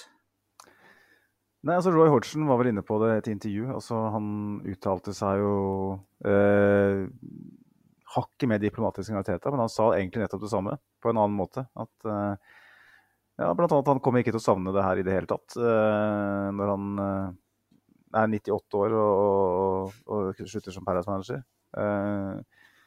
og det, det, det, føler jeg at vi er enige om. på en måte. Det, det, her, her, det, røret her, det, ødelegger opplevelsen. Og det handler det handler jo egentlig mye mer om menneskene som sitter bak spaken, enn det handler om spa selve spakene og teknologien. ikke sant? Dette har vi prata om mange ganger. Uh, og mantraet som du er inne på her, om å eh, tvilen skal komme det angripende laget til gode. At det her er underholdning, og fotball handler om mål. Da skal vi på en måte og Om noe så skal vi lete etter årsaker til at mål skal stå. Eh, ikke eh, det motsatte. Eh, man, man, man, jobber knallhardt da, for å, å annullere et uh, mål. Og problemet mitt i den situasjonen her, det er jo faktisk da ikke var, da, bare for å ta det. Uh, jeg vet ikke om du nevnte det nå, fordi at jeg var en liten tur innom kontoret. jo, jeg nevnte vel at hvis han ikke blåser, så er ikke sikkert vart Altså, det kan godt hende de tar det fordi at svart-hvitt er det, er det sånn, men det er ganske kjipt at han blåser der. Når han, altså, han kan jo ikke se det. Det, ja. Yes, det, hva er det han gjør der? Hvorfor blåser han? Det er jo bilder. Vi ser jo bildene som florerer på sosiale medier. Han, han, er jo 15 meter unna situasjonen. Og ting skjer kjempefort. Han er dekka opp av to-tre mann. Hvordan, hvorfor blåser du? Hva i alle dager er det du tenker på? Hvorfor blåser du der? Altså, jeg, jeg, er ikke av de som uh, snakker om uh, korrupsjon. for at jeg, jeg syns det blir det blir Da er de korrupte alle veier, da, for det er ingen supportergrupperinger i, i Premier League som er, er fornøyd. Uh, Nei da, altså vi, vi, ser at United og, og, Liverpool har VAR med seg, men de er òg misfornøyd med VAR. Altså, det, det, er sånn, du, du, ser det med dine briller uansett, og det er absolutt ingen som er fornøyd med dommerstanden i England. Uansett hvilken vei du ser på det. Så nei, eh, det er da er de korrupte alle ved. Det er sånn som du sier. Og hvis vi plutselig er der at vi skal tro 100% på at det er en korrupsjon, hvorfor gidder vi å se på da? Hvorfor gidder vi å se fotball da? Da, er det jo ikke vits, da. For da jobber du ikke på lik linje som de andre. Så da, da er det jo ikke vits å se fotball lenger. Nei, det er jo ikke det. Uh, og de gjør veldig lite for å uh, tilbakevise de påstandene som kommer, da, med, med det at de er nede i Midtøsten og dømmer matcher eh, og jobber for eierne til et par klubber i Premier League. Så, og annet hatt han uh, Gillette, da, angivelig skal være Liverpool-supporter og ikke får lov til å dømme Liverpool, men han får lov til å dømme rivalene. ikke sant? Det er sånne ting som det her da, som gjør at det er vanskelig å ha tillit til dem, men direkte korrupsjon, det, det, det, det, mener jeg det, er det nok ikke. Men det er liksom som Tor Arne Vassåsen skriver til oss på, på, Facebook, da, dommerstanden i England nei, Når skal dommerstanden i England komme med en innrømmelse av dårlig inkonsekvent dømming, og kanskje prøve å gjøre noe med det og bedre seg? Ikke sant? Altså, alt handler om uh, at dommerne nå blir behandla dårlig. Daily Mail har en kampanje. Sky sitter sammen med Michael Owen og Howard Webb en gang i måneden. og ja, det virker jo som om dem har blitt kjempegode kompiser. Da. For at eh, når, når eh, dommeravgjørelser er katastrofale i Premier League, så virker det som Carragher og Neville prøver å glatte over det. Men når dommeravgjørelser er katastrofale i Champions League, når det ikke er kompisene deres som dømmer, når ikke Howard Webb, han som sitter på T-selskap eh, med dem en gang i uka, ikke dømmer, da er det greit å, å kalle det en disgrace. Det er så transparent, da! Er det mulig? Altså, altså de gutta her altså, de sitter og får, de får millioner i året. altså De får sikkert millioner i måneden, de gutta her. For å, å sitte der og, og lire av seg alt mulig piss. Eh, og så er det så transparent at de har agendaer. Eh, og det, dem har da klart å lede debatten eh, inn på eh, Som du sa før innspillingen, posterboys, da, Arteta eh, som den store. ikke sant? Det handler om at nå, nå, må vi, nå, må vi, gi dommerne arbeidsro. Nå må vi slutte å, å, å komme med hatske ytringer mot dommerne. Eh, nå, nå, må vi slutte å å ja, behandle dommerne på et vis som, som føles eh, nedrig for dem. Da. Og så glemmer man helt at årsaken til at at det er blitt sånn, er at dommerstandarden er så jævlig dårlig. Eh, og igjen i denne kampen her så ser vi så ser vi det, da. Eh, hva han Jared Gillette tenker på når han blåser det, det måtte gudene vite. Hva, hva alle dager holder han på med, som du sier. Hvis han eh, ikke blåser der, så, så, så får han annet, helt, helt annet, utgangspunkt. For Mantraet det var er clear and obvious, og jeg vet at det ikke alltid ligger til grunn. Men når han først blåser der, så forstår jeg veldig godt at, han, at, det, at det, står på avgjørelsen. For at mm. de finner da på en måte en Det er ikke clear and obvious. Det er, det er, det er masse som skjer der. Det er pingpongspill mellom armer og bein. Eh, og det er, ikke, det er ikke klart og åpenbart, så jeg forstår at OK, men da må, vi, da må vi stå ved kampleder. Hadde kampleder latt det stått, som man skal gjøre Vi snakka om tungt flagg og Tung fløyte, si, ja. Trang, trang, fløyte, da, for å kalle det det. Ja. eh, som du sa. Eh, da vil de, vil de, da gå inn og, og annullere det? Kanskje pga. den hensen da, og, og, regel, og, reglene som er så teite. Who knows? Men at han blåser der, er for meg et mye større problem i den kampen enn var. da, på en måte. Eh, han skal aldri i verden blåse der. Det er helt katastrofe at han blåser der. Uh, og så er det mange som mener at det her er den situasjonen som er minst katastrofe. og jeg skal være forsiktig med å bruke det begrepet, jeg vet det. Um, det var en, eh, en straffesituasjon her, blant annet, hvor vi, vi, kan ta en prat om. Gabriel Jesus i boks. ballen er i lufta, han går for den. Diago Carlos går for samme ball. Nei, Diagolas unnskyld, går for samme ball og ender med å sparke Jesus da ned, rett og slett. Fredrik Oppegård på Twitter han spør er det årsak, er grunnen til at det ikke blir gitt? Er det fordi at Jesus uh, ofte overspiller litt, eller hva er det som skjer her? Hvordan i alle dager er ikke det her straffe? Det som på en måte blir, blir, verst for min del, er jo at Liverpool får jo en straffe som er omtrent helt lik tidligere samme dag. Uh, det er jo òg sånn uh, to stykker som går etter ball. Én når den først blir sparka ned. Crystal Palace som får straffen, sorry, ikke Liverpool. Det, det, viktig, viktig presisering. Ja, veldig viktig presisering. Eh, og Mateta blir vel Det er vel han som blir sparka ned, og han som tar straffen, vel. Og, eh, og, og, da skjønner jeg ikke hvorfor det ikke blir dømt her, da. For det er jo egentlig akkurat det samme. Det er to stykker som går etter ball. Den ene får den først, eh, og, og, blir sparka ned. Og da skal det, i, i min bok i hvert fall, være straffe. Eh, og så er det Sivert har jo vært inne på det her. Eh, når vi har drya ned litt tidligere, så må vi løfte han opp igjen nå. Sivert har jo vært inne på akkurat det her i forrige episode, vel at han begynner å bli ganske lei ut av det der eh, rullinga til Jesus. Eh, at han er litt teatralsk. Eh, det kan være en grunn til at han ikke får um, tvilen til gode da, i, i, sånne situasjoner, men samtidig, der er det jo på en måte I, i Liverpool Crystal Palace-kampen så tar det fire minutter før VAR sier til dommer du skal gå og se på den. Så da er det jo VAR som tar det, det er ikke dommeren. sant? Uh, og, og, med en gang det er VAR som skal se på det der, så, så, føler jeg liksom Da må du legge bort det der at vanligvis er han litt teatralsk, for du ser at han blir sparka. Uh, og da er, det liksom, da er det det der som de har holdt på med så mye tidligere, er det kontakt, bla, bla, bla. Men sant, når han blir sparka ned der, så skjønner ikke jeg heller at det ikke er straffe. Um, jeg, altså, det er jo det der, det er ikke noe intent, det er ikke noen ting sånn. Han går etter en ball, Douglas Louise. det, det, det, er ikke verre enn det. Men, men samtidig så tar han Jesus, da. Eh, så for meg er det der straffe. Eh, vi har jo òg en, en, arm i Nketia som ikke blir rød kort. Eh, det er vi for så vidt vant til, at uh, motstanderen skal få lov å ha boksekamp. Men uh, jeg, jeg syns det er rart at vi ikke får straffen der, når Jesus blir sparka ned. det er liksom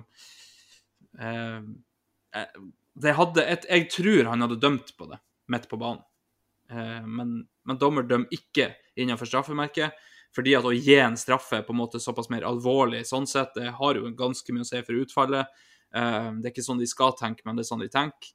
Og VAR burde gjøre noe med det når de ser kontakten der. For når vi ser det så tydelig på bildene etterpå, hvorfor ser ikke de det da? Jeg vet ikke dine tanker rundt det, Magnus? Nei, jeg vil på en måte sentrere det inn på det poenget som har blitt uh, fremma av de fleste som er uenige med, med, med, med oss om, om, den situasjonen på overtid. Uh, nei, det er liksom Det er svart-hvitt. Reglene sier at så lenge den ballen treffer hånda til han som setter ballen i mål, så spiller det ingen rolle hvor naturlig posisjon og hvor tilfeldig det er at den ballen treffer hånda.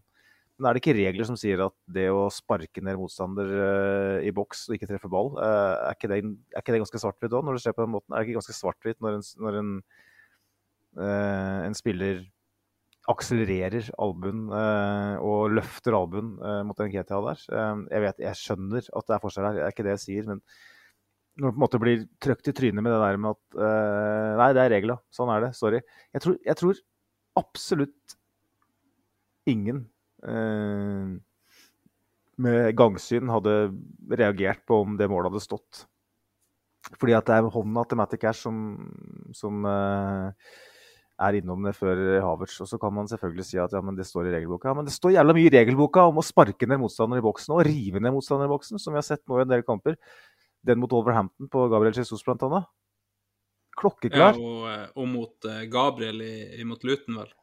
Ja, altså det er, det er, det er, svart, det er ganske svart-hvitt det òg, når det er så åpenbart. Uh, så hvis man først skal følge reglene, og man har den teknologien tilgjengelig, så da får man faen meg følge reglene hele veien, da, i stedet for å velge øyeblikket når man skal følge reglene.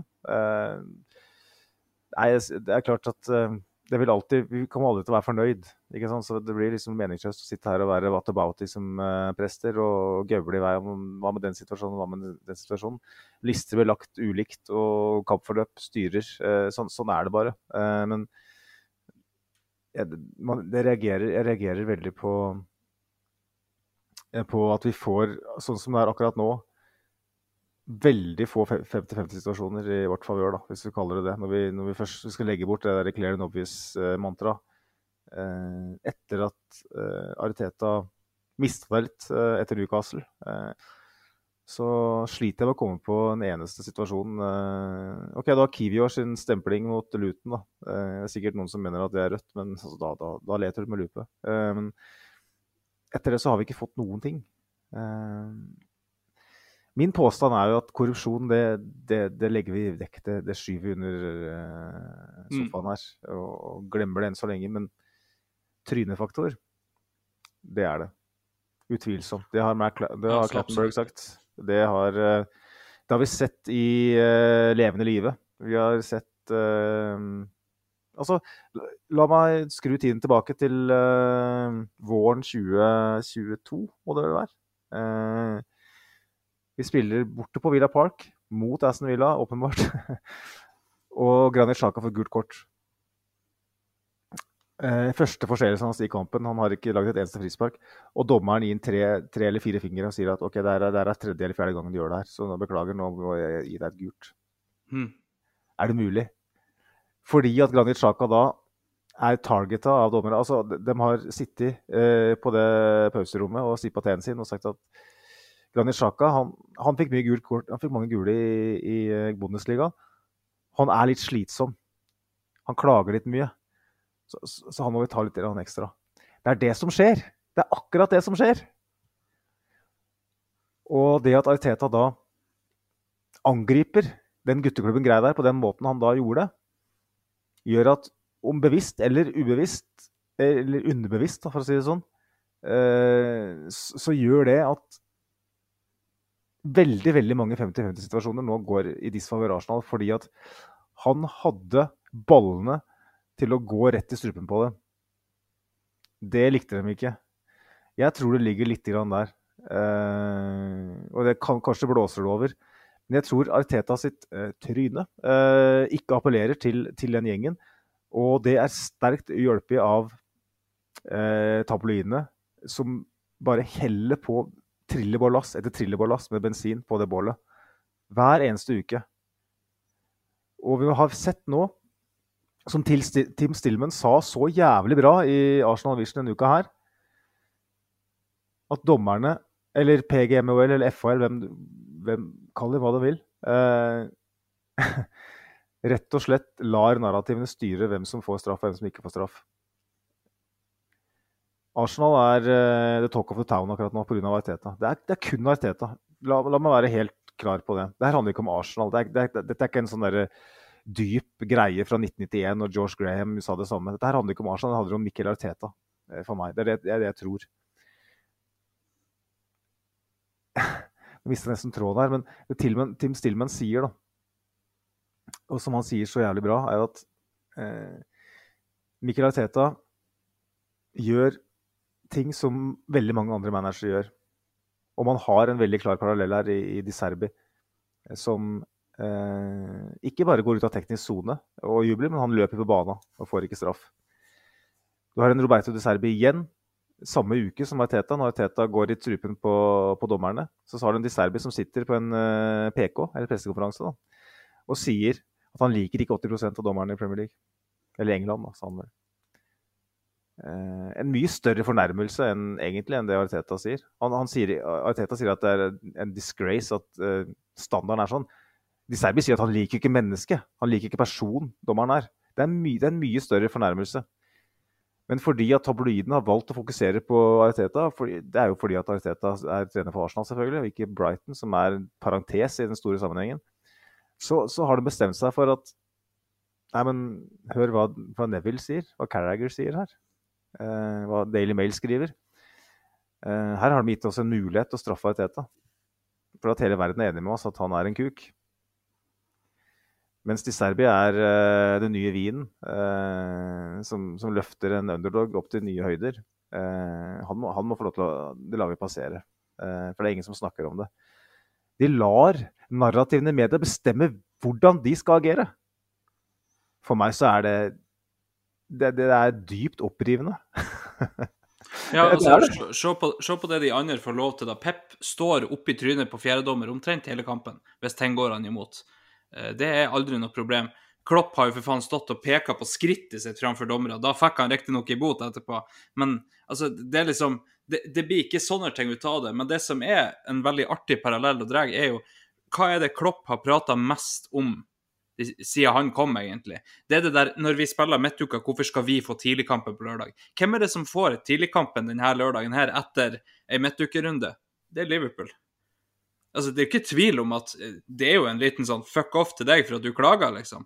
Yes. Eh, for, for, så mye tidligkamper får faktisk Liverpool etter at de har spilt i midtuka, og det har ganske mye å si med tanke på restitusjonen å gjøre. Eh, og, og, når Teta da er såpass vokal som han er, eh, og, og, det er nok i enkelte av uttalelsene hans er det nok litt språkbarriere, fordi at eh, kanskje han ikke mener det så hardt som det blir tolka. Og så må de kunne skille mellom kampens hete og det som på en måte blir sagt i ettertid. Eh, akkurat den disgrace-greia satt han og sa på PK etterpå òg. Eh, så han har fått roa seg da, men fortsatt ganske heit. Eh, men, men, når ble det sånn at vi ikke skulle ha lov til å ha følelser innenfor det vi driver med? For det er, jo, det er jo det Arteta er, et følelsesmenneske, og det kommer ut. Og du må kunne, hvis du skal må kunne skrive ut det her, alle de, de dommerfeilene som blir gjort, det skriver de jo av på menneskelig feil. Det er en menneskelig feil å la følelsene få overhånd og komme med sånne uttalelser som det der. Og det må kunne gå an at OK, det der er ikke greit, du får i bot, ferdig. Du kan faktisk ikke holde på sånn. Men de kommer jo med lovendringer for å kue Arteta. Det er jo ikke mm. tvil om at de prater om han. Altså, nå Før sesongen i år så er det plutselig en ny regel at nå er det bare én mann som skal få stå i tekningssonen samtidig. Skal du prate med assistenten din, ja, da må du ned på benken. Det er ikke sånn at han kan komme opp til deg og prate der du står. Altså, det er jo fordi at Arteta har, har fått med seg Storvenberg og Carlos Cuesta og i det hele tatt stått og kjefta ute i tekningssone. Eh, og, og det her er- har alle managere gjort ever. Altså, alle managere har kjefta på dommerne. Alle managere har eh, kommet litt ut av tekningssone. Akkurat Arteta er jo ganske steinhard på det. Han står jo nesten ute av tekningssone mer enn han er inne i til tider. Men, men det er det der med at de har bestemt seg for at det er én mann vi skal ta. Det er han. Det kom ikke lovendringer på flokset rundt dommerne før Arsenal begynte med det heller. Eh, For Arsenal var ganske dårlig på å påvirke dommerne egentlig, i ganske mange år. Så plutselig begynte de med det. Da begynte Sjaka å flokse rundt i lag med andre rundt dommeren. OK, neste sesong det er ikke lov lenger, det. Det er gult kort. Tvert. Nå- skal dere bare slutte med det. Så det, det er ikke tvil om at de, de bruker jo eh, Og de er til dels nøyd til det for at det skal ha presedens. De er til å bruke en storklubb. Eh, jeg, jeg skjønner det. Um, de har vist at eh, Klopp eh, det, Du har gjort fantastiske ting med Liverpool, men du får faktisk ikke lov å sutre over hvordan vi setter opp kampene, for det er faktisk vi som bestemmer. Eh, og det, jo, altså det er jo ikke dommerne som gjør det. ikke det, altså det er jo eh, i stor, stor del Sky Sports som gjør det, eh, og, og rettighetshavere. Så, så det er jo der det ligger, sånn sett. Men, men eh, det blir litt det samme med Ariteta. da. Når du er såpass offentlig som du er, du er, en, du er en stor klubb, og du er såpass hard som du er når du, i uttalelsene dine, da blir du gjort et eksempel av. Og Ja, det blir du ikke ferdig med. Man Nei. skal ikke gjøre eksempler ut av, eh, Nei. Nei, av eh, enkeltpersoner. Man skal, en, man skal- sette linje, man skal følge den linja. Mm. Ferdig snakka. Man skal, Ja. man skal, man skal, eh, gå, man skal dykke dypt i enhver materie og, og dømme en situasjon basert Mm. på det som skjer der og da. Man skal ikke ha agendaer eh, når man går inn i en sak. Mm. Og trynefaktoren får er eh, får Haaland straff for den brølinga han hadde til Hooper? Nei, nei, nei. eh, Ingenting. Det, den, den er jo den er kvittert, den. Han slapp unna. Og, Ja. um, altså det er igjen det der med, med alle andre, ikke sant. Eh, Problemet vårt er at Arteta åpenbart går med en, eh, med en, eh, en skive med blinker eh, på, på ryggen akkurat nå. Det er, det er inn i tiden. Det er poppis og moderne å ta Arteta. Så da gjør alle det. Uh, og det at Arsenal er, måte er litt tilbake, uh, gjør at det er enda mer fristende. Fordi at eh, det truer det etablerte, uh, som er City og Liverpool. Og mm, ja, jeg, jeg skal ikke gå noe lenger ut på den stien, men den trynefaktoren er det, er det største aspektet her for meg. Eh, og den ranten til Arteta etter Newcastle, som jeg, jeg mistenker er ganske kalkulert, eh, den eh, slo veldig feil ut for Arsenal. Eh, det var Det lønte seg ikke i det hele tatt. Eh, dessverre. Og det er jo nettopp det vi har snakket om på podkasten her nå i en måneds tid, kanskje to måneder. At eh, når, når det rammer deg og ditt, så, så blir det veldig lett å ta deg for det etterpå og si at ja, men eh, det er veldig Det her handler kun om såra stolthet. Eh, hvorfor kan man ikke gå ut uh, samla? Hvorfor, hvorfor sier ikke Pep Guardiola i, i pressekonferansen etter uh, denne Luton-matchen mot Arsenal at jeg syns det er latterlig at Arteta får gult kort mot, mot Luton. Jeg synes det er latterlig. Hvorfor sier du ikke det, Pep Guardiola? Dere er kompiser, for faen. Hvorfor sier Ja, i stedet for det han sier uh, I'm not gonna make a Mikkel Arteta comment, sa han i helga, eller forrige helga. Ja, det var vel i midtuka det, Ja, det var det eh, kanskje. dagen, dagen etter. Uh, Ja. Og det er jo Nå er det med et, uh, en gullkamp som rivaler, så jeg forstår for så vidt det. Men skal man, skal man på en måte komme til livs med det problemet her, så, eller til bunns, så må man eh, faktisk støtte hverandre som klubb og som, som trener. Man må, må støtte kollegene, rett og slett. Man kan ikke kun verne om sine favorittbiter, for da, da blir det ikke noe tvist på noen. Da blir banantvisten liggende i skapet innerst og blir hvit etter hvert. Eh, fortsatt god, men litt tyggemotstand. Og det er det ingen som er tjent med.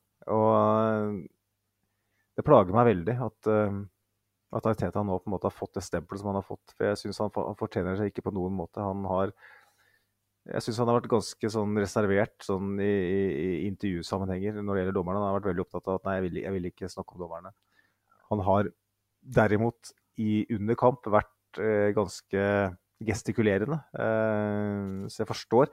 Jeg kan godt forstå det, på en måte. Altså, hadde, hadde jeg holdt med et annet, en annen klubb, så hadde jeg sikkert syntes Arteta har vært et slitsom type. Men eh, jeg syns han får et urettferdig stempel. Eh, han blir stempla som lite karismatisk, som jeg syns er patetisk.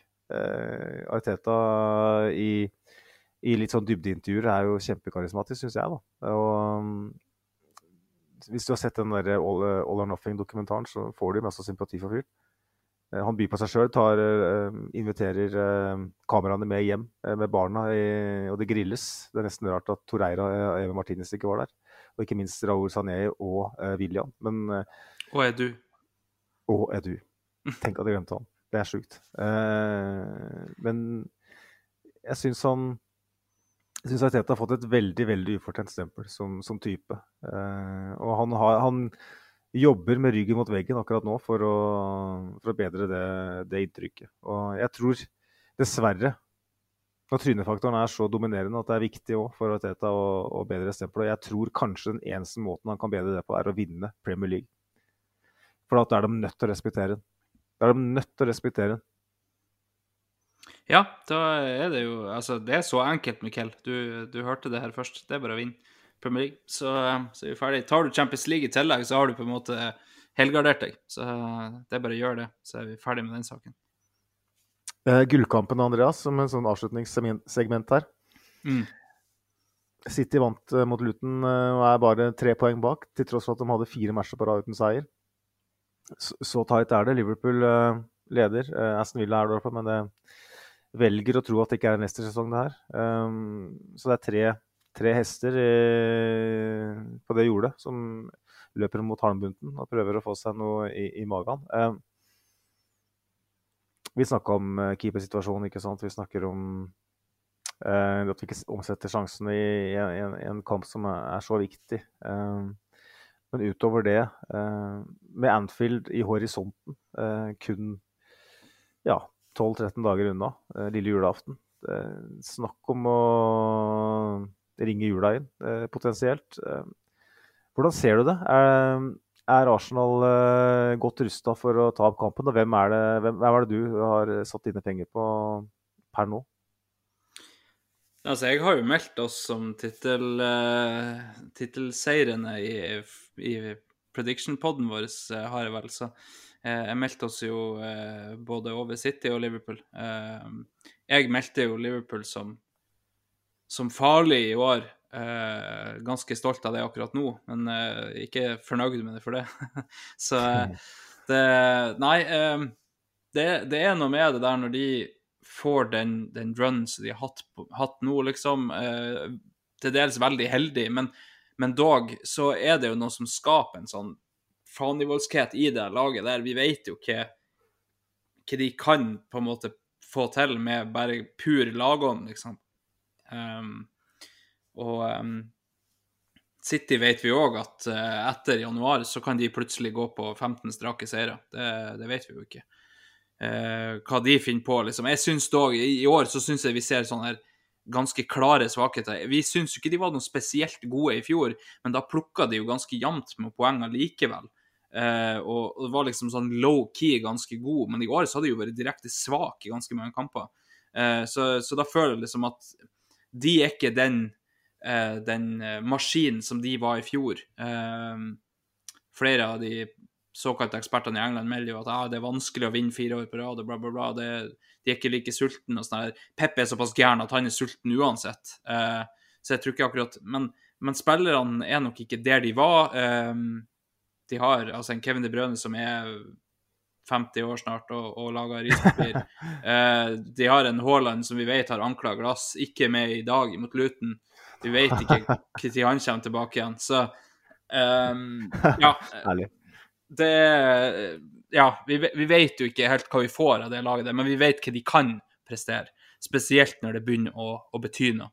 Uh, Liverpool vet vi hva vi kan få av òg, men vi vet samtidig at de er Altså, De er jo lekt som ei bøtte uten bunn bakover. Det er jo bare en keeper som ikke ja, hører hjemme noen sted, egentlig, eh, som, som, holder de inne i kampene. Eh, så eh, på lang sikt, i utgangspunktet ikke så veldig redd for Liverpool, mer redd for City. samtidig så hvis de får på en måte opp nå ei sånn rekke med masse seire, sånn, så er jo den lagånden der ganske sinnssyk. det har vi sett før. Så det, man skal ikke melde de ufarlig. Um, Sivert har jo meldt at vi slår dem på Anfield.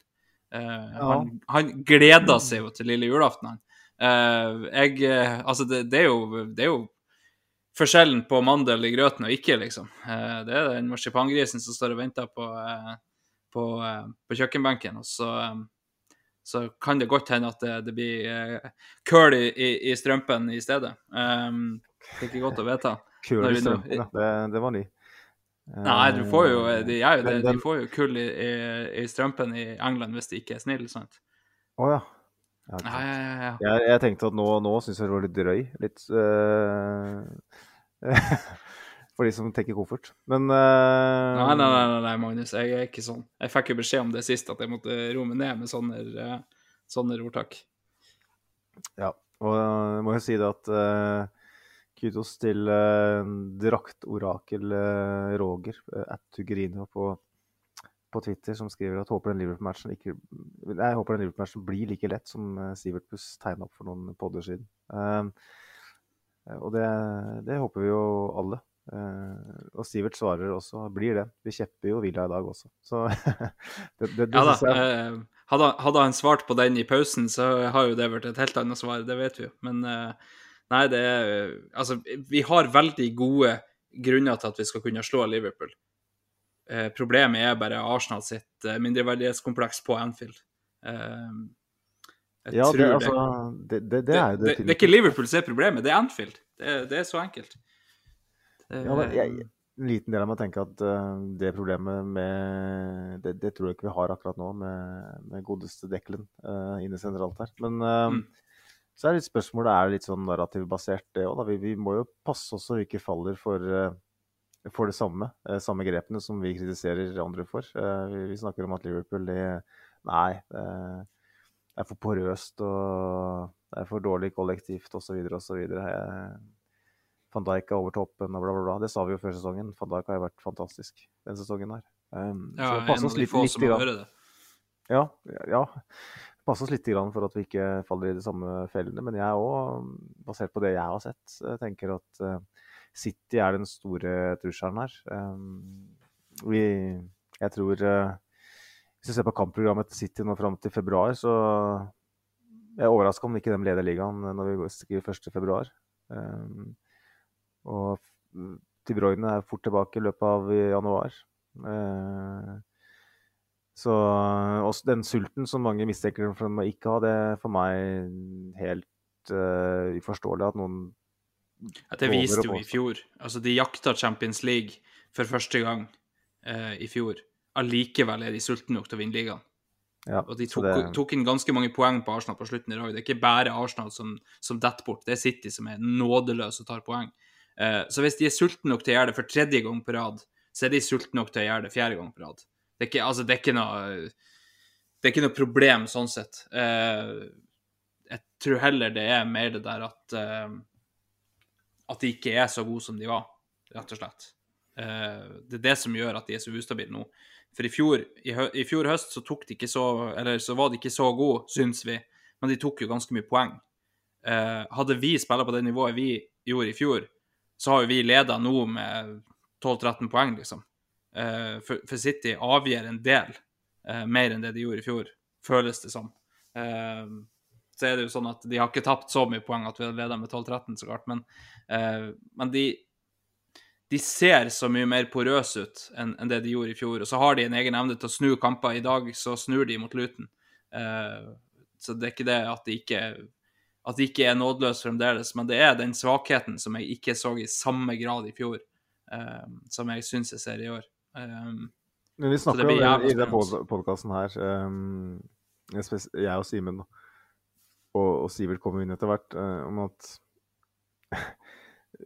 City ser betydelig svakere ut enn de har gjort på, på lenge. Uh, Tapte hjemme mot Brentford, den kampen vi husker, og kunne tapt flere mål i den kampen, selv om de totaldominerte. De slapp inn altfor mange mål i, på, i omstilling. Eh, hadde et kjempeproblem på venstrebekk, hvor Bernardo Silva var inne og spilte.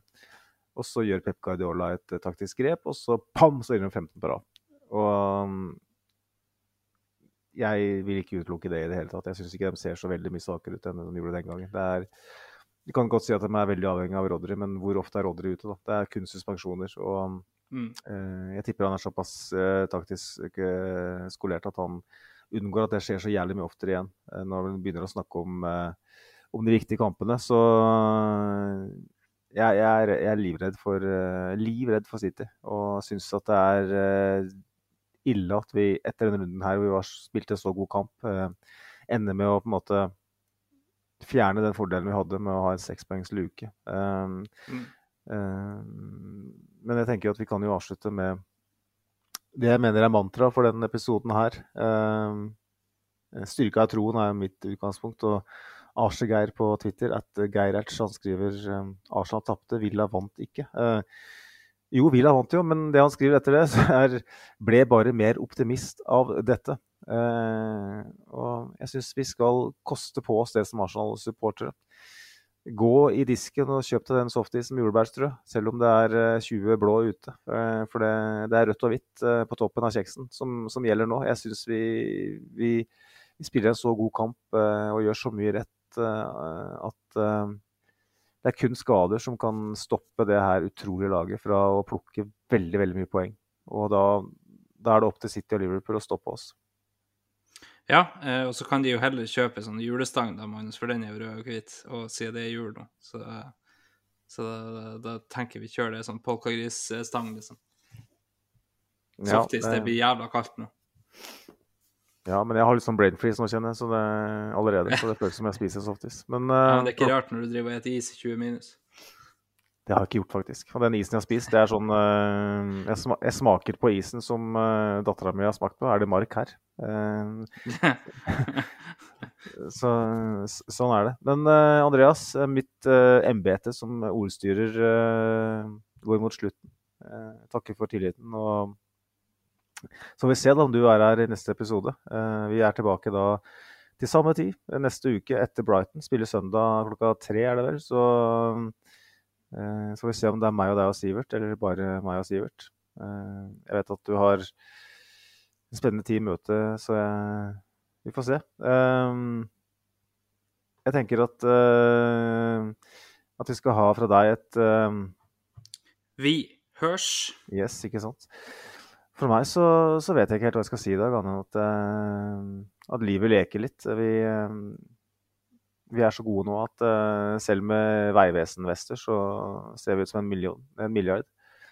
Og neste gang så sitter den fra Ødegaard, neste gang så sitter den fra Martinelli. Og så banker vi, vi Brighton, og så kan De Serbi storme banen hvor faen mye han vil uten å få, få gult kort. Det driter jeg så lenge vi vinner. Um, Eh, nyt PSV Eindhoven på tirsdag med Eaton eh, femmåls, Eton Vanveri i, i venstre åtter. Og så høres vi om ei ukes tid. Ha dem, ha dem. Hei.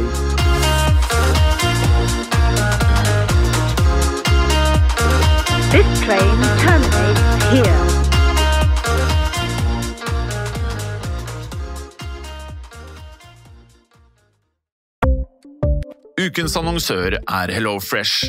HelloFresh er verdens ledende matkasseleverandør og kan være redningen i en travel hverdag.